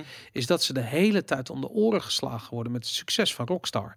En Ja. dat zelf niet kunnen. Dus dan op een gegeven moment dat, dan wordt eh, Mafia 3 eh, aangekondigd. En iedereen heeft zoiets van, wow, ik hoop dat het in de buurt komt van, eh, van GTA. Want zou- zouden ze niet wat geleerd hebben van, Ja. van, van GTA? Nou, en dan komt die game uit, de drollebak natuurlijk. En dan, de- weet je, dan gaan ze weer. En ik bedoel, je hoort het hoongelach al bij vanuit, de, vanuit Wall Street of, of is Broadway waar, eh, waar Rockstar zit. Hoor je het hoongelach naartoe? Ik denk dat dat intern, dat is, zal best wel een strijd zijn hoor. Dat, eh, dat geloof ik wel. Maar kan er een situatie ontstaan? Ik weet het helemaal niet. Stel nou dat het eh Take-Two failliet gaat, dan kan Rockstar dan blijven bestaan? Ja, maar de, ik- de- de- alles kan. Het, Ja. het- ik bedoel, stel dat Take-Two failliet gaat omdat 2K-games zo ontzettend veel geld kosten en niks Ja. verdient, eh, dat uit, aan het eind van de rit er te weinig overblijft. Dat zou in principe kunnen. Maar dan wordt eh, Rockstar Games gewoon in zijn Ja. geheel verkocht aan EA, aan, waarschijnlijk aan Tencent of aan... Of ze kopen zichzelf uit, eh, of op, op, op wat voor Ja. manier dan ook. Ja, gaan als, eh, als, als, als indie Ja. eh, gaan we gewoon verder. En ze Maar- doen het gewoon zelf. Een bedrijf als, als Rockstar Games, die, die stapt naar een bank toe of naar eh, de grootste geldschieters ter wereld. Ja. En ze, het maakt niet uit welk bedrag Ja, ze hier, nodig hebben. kijk, GTA Ja, 3, 4, hier is een 5. koffertje met geld en Ja. eh, eh, we sluiten een Maar deal. toch denk ik wel dat het voor de mensen die dan bij 2K aan, aan, het, aan, aan het, eh, eh, eh, de, de, het roer staan, het vervelend is dat. Kijk, zij zijn bezig met Borderlands. Zij hebben echt behoefte om weer een game te hebben. Een beetje kleur op die wangen, weet je wel. Kijk, NBA en WWE, dat doet het goed. Maar Mhm. dat zijn niet de vlagschepen. Ze hebben nu een aantal keren achter elkaar Evolve, eh, noem al die andere, de Battle... ehm, hun battle ding. Battleborn. Battleborn. Eh, gewoon, ja. Battle dinges. mislukkingen. En Borderlands 3, ik, ik geloof er wel in. Ik heb er weer zin in, weet je wel. En, en dan wil je de E3, de- die wil je eigenlijk pakken om dat te laten zien. Maar Rockstar is dan blijkbaar zo sterk dat Take-Two beslist van, nee, doen Ja, we nu maar, even niet. Maar wat het ook betekent is dat die game niet uit gaat komen tot de volgende E3. Nou, dus ik, ik, ik denk eerlijk gezegd dat de volgende Borderlands, die gaat misschien najaar volgend jaar uitkomen, zoiets. Zou Eh, kunnen, En dan op ja. zijn vroegst hoor, want het, voor hetzelfde gehad is het later. ja. Ehm, maar ja, die, die- ik, bedoel, ik, ik vond Borderlands 2, dat vind ik een van de beste games ooit gemaakt. Ehm, ik, ik, ik vind het heel jammer dat de kerel die dat verhaal heeft geschreven Mhm. weg is bij eh, Gearbox. Aan Ja. de andere kant, eh, die, die uitbreidingen die waren voor Borderlands, die zijn niet allemaal door hem geschreven. En daar Nee. waren die verhalen ook heel goed. Die waren prima. Die zeker. waren echt heel goed. Dus wat dat betreft, ik, ik, ik denk dat de Borderlands 3 dat dat een hele goede game gaat worden. Ik heb geen reden om aan te nemen dat dat niet zo is. Mhm. Ehm, dus ja, die gaat, een, die gaat een E3 domineren. En dat 2K Games dat op die manier doet, dat hebben ze bij Mafia ook al laten zien. Kijk, die game was niet goed, maar ik weet niet of je nog weet, op die E3 twee Mhm. jaar geleden, die hele 2K-stand was één grote Ja, nee, Mafia-setting. we, vonden het ook wreed. Ja, dat was echt heel erg cool. Dus En, en, dat, dat gaan ze weer doen. Dat is ook weer zo'n vraagstuk. Hebben we toen ook gezegd toen Mafia uiteindelijk niet zo tof bleek. Althans, het, het repetitief verhaal was niet sterk. Dat je denkt van, maar oké, onder één uitgever heb je twee, heb je een bedrijf wat koning is in het verhalen maken. Waarom wordt er geen leentjebuur? Waarbij Ubisoft wel samenwerkt, al die studio's, gebeurt dat totaal niet. Ik vind dat zo interessant. Dat, dat de Rockstar is echt zo'n aparte entiteit. Ja, maar ik denk is- ook niet dat ze daar van we helpen ook niet mee. Nee, maar dat is bij Blizzard ook niet zo. Blizzard, je zou zeggen van oké, eh, je krijgt een soort Call of Duty RPG, weet Ja. ik veel, MMO. Whatever, gebaseerd op, op kennis die is opgedaan door Blizzard bij eh, World of Warcraft. Het gebeurt gewoon niet. En sterker Nee. nog, Blizzard zegt er gewoon over van... wat hebben wij in godsnaam met Activision te maken? Weet je, Ja. fuck off. En het is ook daar wel andersom, moet ik zeggen. Want ehm, Activision is gekocht in de tijd eh, eh, door Vivendi... met Mhm. geld van Blizzard. Dus het, wa- Blizzard was de grotere partij. Dat klinkt heel raar, omdat wij Ja. denken dat Activision de grotere Maar Activision was de kleinere partij. Dus eh, ja, die hebben het niet zoveel met elkaar te maken. Bij Rockstar denk ik dat het hetzelfde is. Weet je, ik bedoel, eh, eh, 2K Games heeft misschien eh, Rockstar gekocht op het juiste moment. Ja. Maar de, de culturele impact van Mhm. Rockstar binnen Take-Two is veel groter dan, eh, dan die van 2K Games. Dus Nee. daar zal het ook niet gebeuren. Maar goed, het, het neemt, kijk, je hebt gelijk. 2K heeft een succes nodig. En ehm, ik denk dat Borderlands dat heel goed zou kunnen zijn. ja. Ehm, maar het, dat maakt, dat zet nog niet een strategie neer. Nee, dat is waar. Maar ja, goed, als je tegenwoordig al eh, een game kan, eh, kan tonen, minus een t-shirtje die in 2034 uitkomt, eh, namelijk eh, de Elder Scrolls 6, dan had je nu ook wel iets van Borderland een logo kunnen laten zien. Nou, maar dat Dat is, dat niet voor keuze, dat is een Dat keuze die de uitgever Nee, of de oké. studio zelf maakt. Hij werd wel gerumoer, eh, eh, ge- eh, de rumoeren, of de, de, de, de roddels, de geruchten waren wel, eh, ze werden, hij werd zowel bij Sony als bij Microsoft geplaatst, Borderlands 3. Iedereen Ja. was ervan overtuigd. Het was weg. Ehm, ja, nee, dat is dan toch. Ik vind het alleen maar goed. Liever, nee. liever volgend jaar gewoon Ja. een volwassen eh, eh, event rondom eh, eh, Borderlands 3 dan nu een logootje. Want dan, dan maak je het stuk voor de toekomst. Ik bedoel, je moet dat moment moet je gewoon pakken. En Borderlands is groot genoeg om dat te doen, denk ik. Inderdaad. Ja, niet zo groot als een The Elder Scrolls. Dat is een, dat is een, een, een, een, deeltje 6. Daar zitten mensen al vele jaren echt. Daar zitten heel veel mensen al eh, heel lang op te wachten. Maar wat vond je daarvan? Ik, bedoel, ik, ik, ik werd heb daar beetje- niet zoveel moeite mee. Nee, maar ik werd er een beetje op aangevallen dat ik het belachelijk vond dat ze een trailertje gaan laten zien met een logo van iets wat echt serieus nog vier, vijf jaar Misschien weg is. meer, ja, nee, Ja. Dit, dit wordt gewoon volgende generatie eh, consoles. Ja, maar dat, Ja, maar ik bedoel, even die reassurance, zeg maar. Even mensen tot en manen van... jongens, maak je niet druk. Het komt eraan. Het is niet dat we de serie al hebben afgeschoten. Geef ons een jaartje of vier, vijf. En eh, ik, ik denk dat de meeste gamers ook wel realistisch genoeg zullen zijn... om, om dat eh, in hun hoofden te prenten. Zo van, het is nu niet zo... Nou ja, al zul je altijd wel een groep hebben... E3 2019. Ja, en nu willen we gameplay zien van die Elder Scrolls Maar weet je 6. wat- weet Gaat niet weet- gebeuren. weet je, bedoel, het, het pakt shine af van wat je daarvoor zei. En, en ik, ik ga dan meteen denken, oké, ze wisten gewoon met Fallout, eh, je, je krijgt hier eh, lag mee, hè, want mensen willen niet online. Althans, dat, dat, dat is even een dingetje. Dus als we dat aan het eind ook nog zeggen, en je zag het ook in de chat, in één keer ging het van, van drie hertjes naar vijf hertjes. Ja. Op basis van, eh, nou, we gaan over zes jaar ook nog een The Elder Scroll. Ja, dat weet ik. Ik bedoel, Ze hebben altijd al gezegd dat ze met een The Elder Scroll bezig zijn. Weet je, ik bedoel, tuurlijk. Ja, en is van die raar? andere game, eh, hoe heet je ook weer? Star? Nee, dinges? Star Citizen. Nee. Star. Starfield. Starfield Ja, inderdaad. natuurlijk. Ja. Er komt ook nog wel een keer in The Daar Witcher hoor. horen, we, daar horen we ook al jarenlang Ja. eh, van. Ja, die zijn in ontwikkeling, in ontwikkeling. Ja, nou, allemaal leuk en aardig. Nou ja, je laat uiteindelijk het trailertje zien van... oké, Mm. oh, er is mee bezig. De mensen is er mee bezig. Prima, joh. Maar wat nu als fucking elke publisher straks games gaat teasen middels een trailer die over zes jaar uitkomen? Nou ja, het geeft niet. Wordt het Geef mij, geef mij maar die vergezichten. Het is het traject dat Sony al een aantal jaren nu aan het bewandelen is. Ze komen Nee. met vier, vijf grote titels. Twee jaar geleden teasen ze, eh, weet ik was het vorig jaar. Ja, maar dat of belachelijk. Us. Nee, ik vind het niet erg. Ik hoef, Nee, ik oké. hoef niet Ja, maar- per se Eh, de- in een uurtijd 20, 30, 40 titels Maar er op werd, er werd al meteen iets van getoond.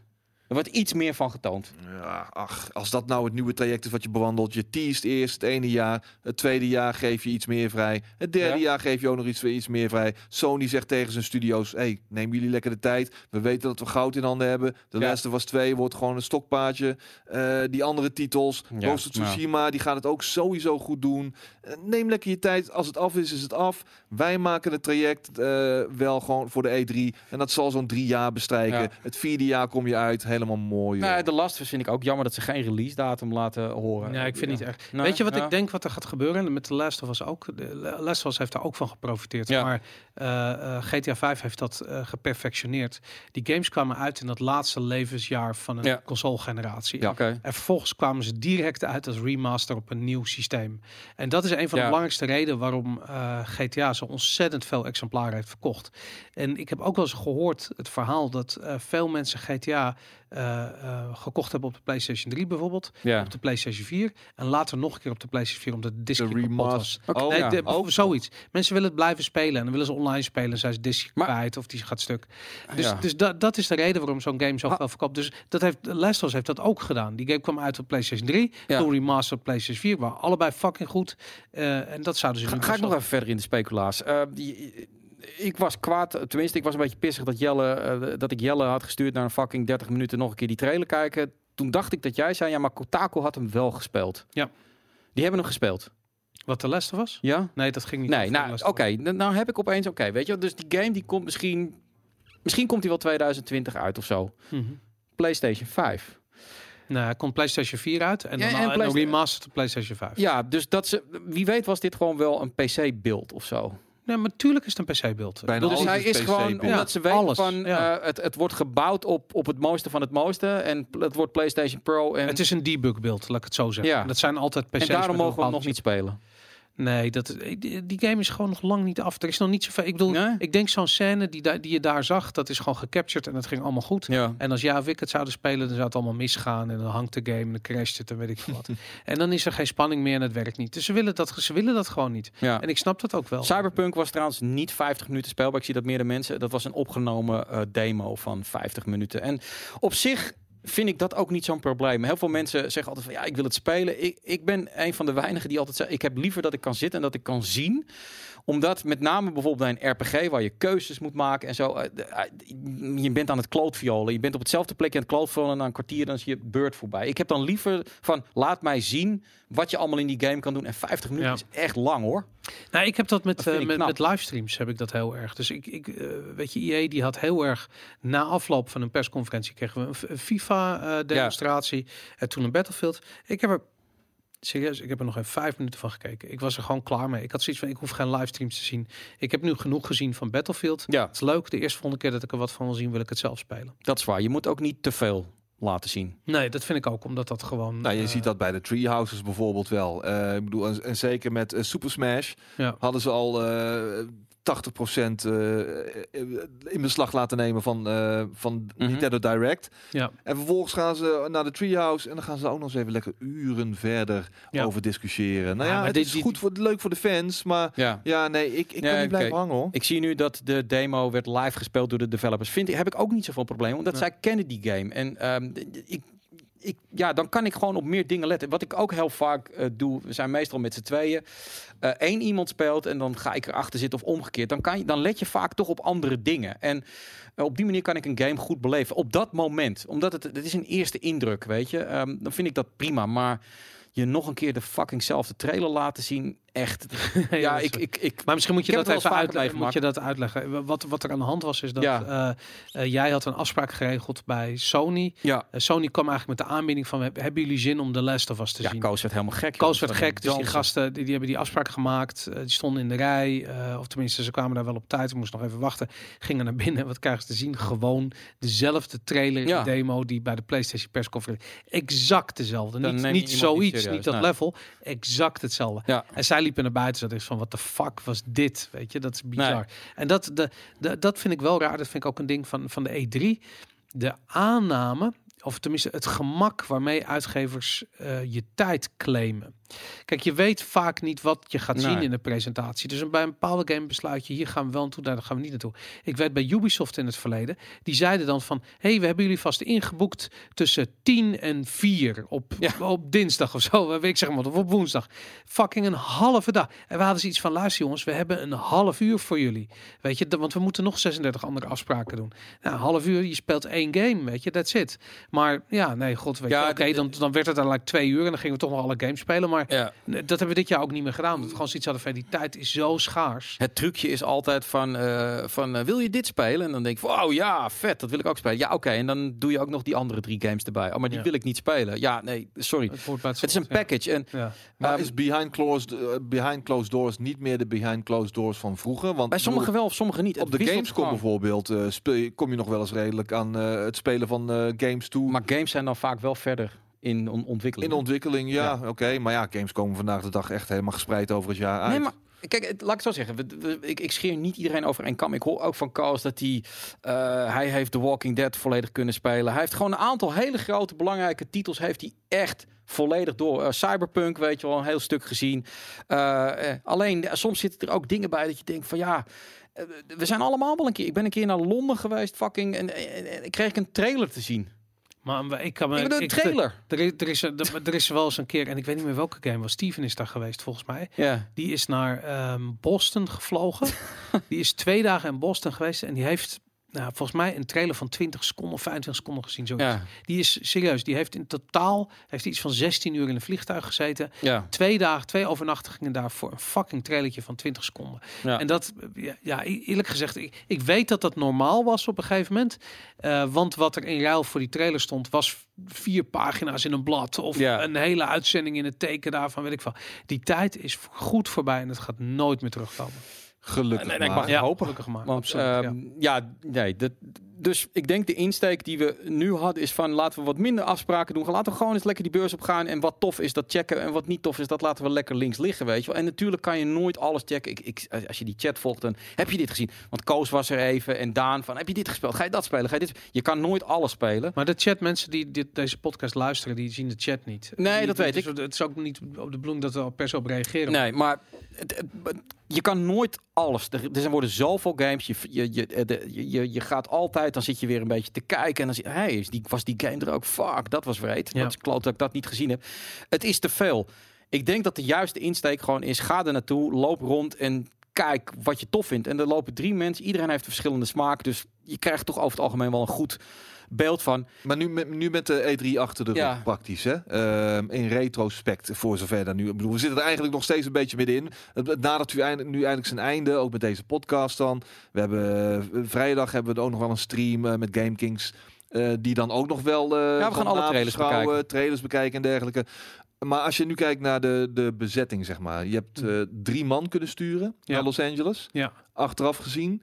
Eh, en je ziet bijvoorbeeld de workload bij bijvoorbeeld eh, eh, een Daan, die dan eh, alle eh GameKings premium items heeft geëdit vanuit Ja. Los Angeles. En daar echt gewoon de hashtag no sleep, weet je wel, Ja. bij wijze van 1, spreken. 1 uur en 10 minuten hè, vandaag. Zou je dat volgend jaar, zou je dat volgend jaar weer zo willen doen? Nou, kijk, ik denk dat ehm, een van de redenen waarom er drie man zijn gaan, los van de inhoud, heeft dat, dat heeft ook gewoon met budget te maken. Tuurlijk, tuurlijk. En ehm, kijk, als die situatie volgend jaar anders is, zou ik denk ik, ik denk dat vier man het perfecte team is. Weet je, Mhm. Ook omdat op het moment dat Daan aan het werk is, eh, Jelle en Koos met z'n tweeën eh, eh, de hort op gaan. En dat is leuk hoor. Maar ik weet dat als je met z'n drieën op Ja. pad gaat, dan is die dynamiek net iets anders. Ja, En ehm, dus wat dat betreft denk Heb ik, je wat dat betreft dan geen spijt dat je toch niet bent meegegaan? ja, daarvoor wel, natuurlijk, daarvoor wel. Maar aan de andere kant, kijk, ik weet zeker dat als ik mee was geweest naar, eh, eh, of als er een vierde man bij was geweest, was dat nog meer rock en roll geweest in LA. Eh, en ik zie hoe hard ze gewerkt hebben. En ik zie, ja, ik zie ook gewoon de druk. Weet je, ze, met, Mhm. met z'n drie hadden ze veel druk. En ik zie ook Jelle, die was, die was verantwoordelijk. En dan zag je, je zag gewoon die verantwoordelijkheid. Dat zie je gewoon, als je die jongen kent, dan zie je dat in zijn ogen op die items. Dus ik denk inderdaad van ja, dat is, eh, eh, daar had misschien nog wel iemand bij gekund. Dat was, eh, maar goed, weet je, nu hebben we ook gezien door middel van de donaties hoeveel support er vanuit Tuurlijk. de community komt. Ja. Misschien dat dat volgend jaar dat dat wel kan, weet je, dat we dat we wel weer iemand meesturen daarvoor. maar we, we hebben ook de discussie gehad. ehm, moeten we, serieus, moeten we überhaupt nog naar de E3 gaan?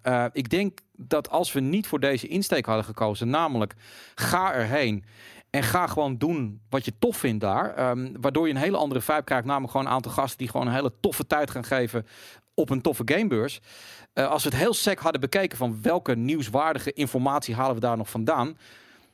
Als we nou helemaal niet naar LA hadden gegaan, weet je wel, hadden we niet meer of minder Eh, het nieuws kunnen volgen. ik, ik vind de items die zij gemaakt hebben eh, in LA, vind ik heel erg veel nee, toevoegen. absoluut. aan de vibe.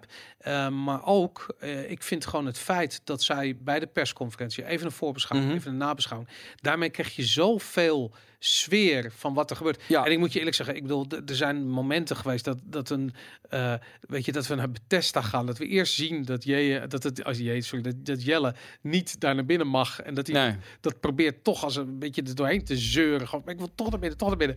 Vervolgens die persconferentie, fast forward en we zijn buiten en die gasten zijn stom dronken omdat ze het gewoon op een zuip hebben gezet. Ja. En er wordt ook nog dat masker gejat. Ik wil, ja, ik ging helemaal kapot. Ik vind het zo fucking grappig. Ja, Het zijn Dus- alle momenten die gewoon niet game gerelateerd zijn, maar die je wel altijd zullen bijblijven. Nee, Zoals, absoluut. eh, man, die shit. altijd op echt- wel altijd de niet game gerelateerde dingen eh, hebben onthouden die, weet je, die nog steeds terugkomen. Ja. Of het dan gaat om eh, Korea, ballen, lul, ballen, eikel of, Ja. of, of wat dan ook. Het heeft niks Ja. met games te maken, maar wel alles met waar GameKings voor Ja. staat. Ja, Nee, maar- En ik denk dat wij hier, wij, wij kunnen goed analyseren wat er daar gebeurt. ja. Maar wat je in Nederland absoluut niet kan doen, is rock and roll en vibe. Nee, nee. Tuurlijk, toevoegen. maar mensen zeggen ook ja, en oké, dan gaan we het volgende jaar omswitchen. Dan gaan, dan, gaan, dan gaan wij gaan naar LA toe en zij gaan hier. Ik denk dat dat bijvoorbeeld een hele andere situatie. Ik weet ook niet of dat werkt. Ja, dan zul je aan de bak moeten met de dan moet ik aan de alcohol. Ik, nooit, dus dat, dat wordt een hele. eh, nee, maar goed. Lekker aan mijn watertje. ik denk juist dat we met z'n allen heel lang hebben gewerkt aan een mix die inderdaad werkt. En, en daar ben ik wel blij mee, omdat ik ben altijd meer van journalistiek, journalistiek. Maar ik denk juist van Jelle en het team heeft wel bewezen dat inderdaad die dynamiek en, en gewoon de lifestyle die er omheen hangt om de E3. Die is ontzettend veel lifestyle. Nou, of het nou het is heen en weer chasen, eh, een, een Airbnb waar wat, wat verkeerd gaat, eh, de feestjes, de beurs met al zijn, zijn galore. Dat hebben ze echt perfect gedaan. En, en wij gaan dan wat meer droger op de inhoud in. En je ziet gewoon dat het publiek dat leuk vindt van inhoudelijk hier. Hier zat ook onze. eh, we hebben ook de momenten gehad met lol. eh, al die, me- die mensen die gewoon die, die, die foto's van hun huiskamer en, en whatever. En daar komen ze elke keer. Ik bedoel, 1 uur en 10 minuten. Gewoon aan content, weet je, Ja, aan, aan, aan vreugde. ja. Ik bedoel. Ja, dat is wel van. eh, dat, dat vind ik veel waard. En die Nou, mix is tof. Dus en, ja. en zakelijk gezien heb ik ook zoiets van ja, GameKings Premium is ontzettend belangrijk. Ja, weet je, ja. kijk, en dat zie je nu. Deze hele E3 leunde op twee pilaren: GameKings Premium en Live. En eh, beide waren, eh, hadden een andere dynamiek, was een ander soort content, ja. maar vulden elkaar aan. Dus dat vind ik heel erg tof. En kijk, waarom ik het zo belangrijk vond om hier te zijn, omdat ik, ik vind dat analyseren, zoals we dat eigenlijk de hele E3 met z'n drie hebben gedaan, dat vind ik heel erg belangrijk. Maar en hoe erg ik de parties ook zal missen in LA. Mhm. Ehm, ik ben ook met die gasten, eh, toen waren zij met z'n vier geweest, Ja. op de Asia Road Trip geweest Mhm. vorig jaar. En serieus, ik denk dat er eh, de momenten waarop niet wij allemaal of Ja. een van ons met pijn in ons buik van het lachen daar door Azië aan het rennen was. Ja. Dat is, dat, dat is zeldzaam. We hebben zoveel gelachen op die trip dat ik terugkwam en dat ik gewoon spierpijn in mijn wangen had gewoon ervan. En ehm, ik, ik heb echt zoiets van ja, ik kan niet wachten eh, voor de volgende grote trip. Ja. En die zijn we al aan het voorbereiden en die gaat niet eens heel erg lang duren. Nee. Ja, en daar ga ik weer mee met die gasten. En dan, dan, dan gaan, we, gaan, we, gaan, we dat, gaan we de boel op stel te zetten. Nou, Maar omdat dat, eh, daar heb je niet die, dat, dat, die mogelijkheid om dat zo te analyseren zoals we dat hier hebben gedaan. De, Nee. Nee, E3 zijn is wat dat ja. betreft gewoon een dat is een, dat is een dat is een geval apart. Weet je, je hebt aan de ene kant heb je het nieuws, je hebt de analyse, je hebt die business, je hebt lifestyle, je hebt rock'n'roll, feestjes, suipen, dit, dat, alles. En ja, wij moeten proberen om met zes man overal te zijn. Ja. En dit is de, de Maar het gaat ook om de. de ik, ik voel mij als een vis in het water eh, binnen het analyseren. Ehm, Jelle heb ik het wel eens over. Die zegt van ja, ik, ik ga hier niet achter een tafel drie uur lang zitten analyseren hoe het zakelijk in elkaar zit. Dat vindt hij, dat heeft, heeft hij niks mee. Nou, het is ook een beetje zoeken van wie vindt wat leuk. Ik vind bijvoorbeeld Koos, eh heel veel mensen, dat vind ik ook tof om te zien. Zeiden allemaal van ja, maar Koos, die, die kan helemaal niet eh, eh, zoiets dragen of dit. Die heeft zich echt bewezen. Dat Ja. ik echt van iemand die ook gewoon inhoudelijk over games, die heeft zich ook echt voorbereid. Die was hier echt mee bezig om al die informatie. Daan vind ik ook eh, echt, eh, heeft zich echt gewoon eh, ja, toffe content gemaakt. Je zegt het omdat je, ziet, omdat je ze mee ziet lezen. Nee, nee, nee, nee, dat had ik niet eens in de gaten. Maar het, ik bedoel, het werkt wel. Ja. En dat vind ik leuk. En wat ik al zeg, van er komen weer trips aan. Ik, ik, ik, ik denk ook van de Gamescom, daar kunnen we ook weer heel op een hele andere manier hele leuke content uithalen. Ja. Het werkt gewoon en mensen vinden het leuk om Nou, te één doen. ding, Dus ja. dat- is misschien interessant om nog Ja. even te zeggen. Kijk, Daan die heeft al die items geëdit in Ja. LA. En het kutte van LA ten opzichte van ja, Azië. nachten, ja. Nee, het verschil is, is het tijdsverschil. ja. Dus het is niet alsof LA, eh, Daan niet ook eh, in Taiwan s'nachts zat te editen. Dat zat hij ook te doen. Ja, Alleen het verschil is, is dat je, eh, je hebt de klok mee. Dus als het daar, als je om twee, drie, vier uur s'nachts daar klaar bent, Mhm. dan is het hier acht, negen uur vroeger. Weet Ja. je? Dus dan is het hier nog s'avonds. En ja, zo'n item staat altijd wel om zeven uur s ochtends Nederlandse tijd online. ja. Maar omgekeerd, als je in LA zit, dan, eh, eh, weet je, dan, dan werkt hij zich helemaal de tyfus de hele nacht. En Ja. dan is het hier alweer twee uur s middags. En dan krijgt hij alweer appjes van schiet het al op, staat het al online, hoe lang Ja. duurt het nog? Weet je, dus je bent fucking altijd achter de, eh, achter de feiten aan aan het lopen. Ja. En daarnaast heb je die, die, die beurs, weet je. Dus je, je hebt je afspraken 's ochtends, je hebt persconferenties, beurzen, dit, dat en dat. Dus je bent s'nachts ben je aan het editen. Dan mag je blij zijn als je nog twee, drie uur slaapt. Dan begint het alweer met die af. En dat was in Azië was dat gewoon echt anders. Nee, nou ja, goed. En daar, gaan we gewoon volgend jaar naar kijken hoe we dat eh, eh, eh, kunnen oplossen. Maar ja, kijk, dit- ik weet bijna zeker, en ik kan natuurlijk niet per se voor Daan praten. Maar hij doet dit niet als hij het niet leuk vindt. En ik weet ook, want we hebben contact met hem. Hij vermaakt zich helemaal de tyfus. En natuurlijk gaat hij straks heel erg stuk. En dan zal hij even, even een dipje hebben qua dat hij heel erg moe wordt. Maar ja, bedoel, je hebt het wel meegemaakt, zoiets, Ja. weet je wel. En, en, en, en het feit dat iedereen die content zo tof vindt, dat, dat, dat geeft je zoveel energie. Stel dat die gast daar 40 minuten, eh, items van 40 minuten staat te maken en er kijkt niemand. Ja, nou ja, Ja. Dat, dat, dat- kijk, dat is natuurlijk ook een ding. Dan is het gewoon- ergens. Er zit een hele grote community die laaiend enthousiast Exact. wordt van, van deze content. Met ook allemaal vragen en zo van ja, en wanneer, wanneer gaat skate nou? En waarom gaan JJ en skate niet? Kijk, op een gegeven moment is er, wij zijn nu inmiddels ook zo door de wol geverfd, weet je wel. En ik heb al eigenlijk een aantal jaren gevoeld dat ik eigenlijk wel prima op mijn plek zit zo. En ook ik was jaren geleden al daar, die blije jongen op de E3. Gek doen met de booth babes en weet ik veel wat. En eh, toffe interviews doen met ontwikkelaars, met, met, met, eh, Porno-sterren. porno-sterren Ja, ja, ja, in mijn ja, zak ja. gegrepen worden en me kapot schamen, maar ondertussen wel weten van dit is wel magische content, weet je wel. En, en, eh en naderhand problemen krijgen met de ex-vriendin. en, maar ik bedoel, ik, de dynamiek die hier is ontstaan ook in de afgelopen jaren met, eh, de gewoon met, met het analyseren vanaf, vanuit de studio. En gewoon merken van dat dat ook echt een wezenlijke bijdrage levert aan datgene wat er in LA gebeurt. En dat ik denk van ja, maar dit is wat ik gewoon wil blijven doen. En dan kunnen mensen wel zeuren van ja, maar skate, je moet ook weer een keer mee. Vroeger was het allemaal zo tof. Ja, maar dat is vroeger. En ik ben ook een jaartje ouder. En ik vind de verhoudingen. wordt het wel tof. Ja, maar ik, weet vind, het niet, maar... maar- Maar, ik vind de verhoudingen wel prima zo. En dat al dat reizen hoeft voor mij ook niet meer zo nodig allemaal. Ik bedoel, I've been there, I've done it. Niemand moet wat bij GameKing. Mm, dat, Skate dat- wel, skate moet van, skate moet zijn nest uit 's ochtends. En- Ja, dat, nee, Ja. oké. Maar nee, dus, dus er moeten absoluut wel dingetjes. Ja, dingen iedereen, iedereen, iedereen je, krijgt dingen- altijd zijn kans, weet je wel. Ik bedoel, we- de- no- ja, ik, heb- ik heb het negen jaar gedaan, weet je. Dus ik voel me ook niet eh, d- gepasseerd of dat. Ik kan heel erg genieten als... Eigenlijk vind ik het eigenlijk nog leuker dat ik zie dat iemand weer gewoon zo blanco naar een E3 kan kijken zoals ik dat namelijk 15 jaar geleden ook daar. Daar kan ik van heel erg van Ja. genieten. Nee, als iemand dat beter kan dan ik, eh, dat beter, is- of anders, of Ja. gewoon in ieder geval op zijn manier invulling daaraan kan geven. Nou, dan vind ik dat helemaal prima. Exact. En als ik dan vervolgens hier gewoon lekker, gewoon tot diep in de nacht eh, mijn eh two cents kan geven, weet je, dat, dat, dat- hartstikke mooi man. Ja. Exact. Nou jongens, dank Bam. jullie wel hiervoor. Het is, eh, het is acht uur. Oh. Eh, we, hebben, we hebben deze podcast twee uur lang eh, hopelijk ons hart op tafel gelegd. Ja. onze ziel op ontbloot. eh, en gepraat over, eh, over de E3, eh, over de E3 2018. En hoe het is om als oude mannen daar, daar verslag van te doen. Dank jullie wel, dankjewel Skate, dankjewel JJ. Niet alleen voor deze podcast, maar voor een eh, anderhalve week lang kaart buffelen Jij in Los man. Angeles. Ik weet dat ze meekijken naar de livestream van deze podcast. Ja. Eh, Daan, eh, Koos en Jelle, dank jullie wel jongens voor het harde werken. En alle kijkers en iedereen die gespoord heeft, die gedoneerd heeft, die, die premium lid is of die gewoon zijn nachten doorgehaald heeft en met ons meegeleefd heeft. Jullie zijn bazige bazen. Dank jullie wel voor dit epische avontuur. En ik heb, eh, ik heb nu al zin in volgend jaar.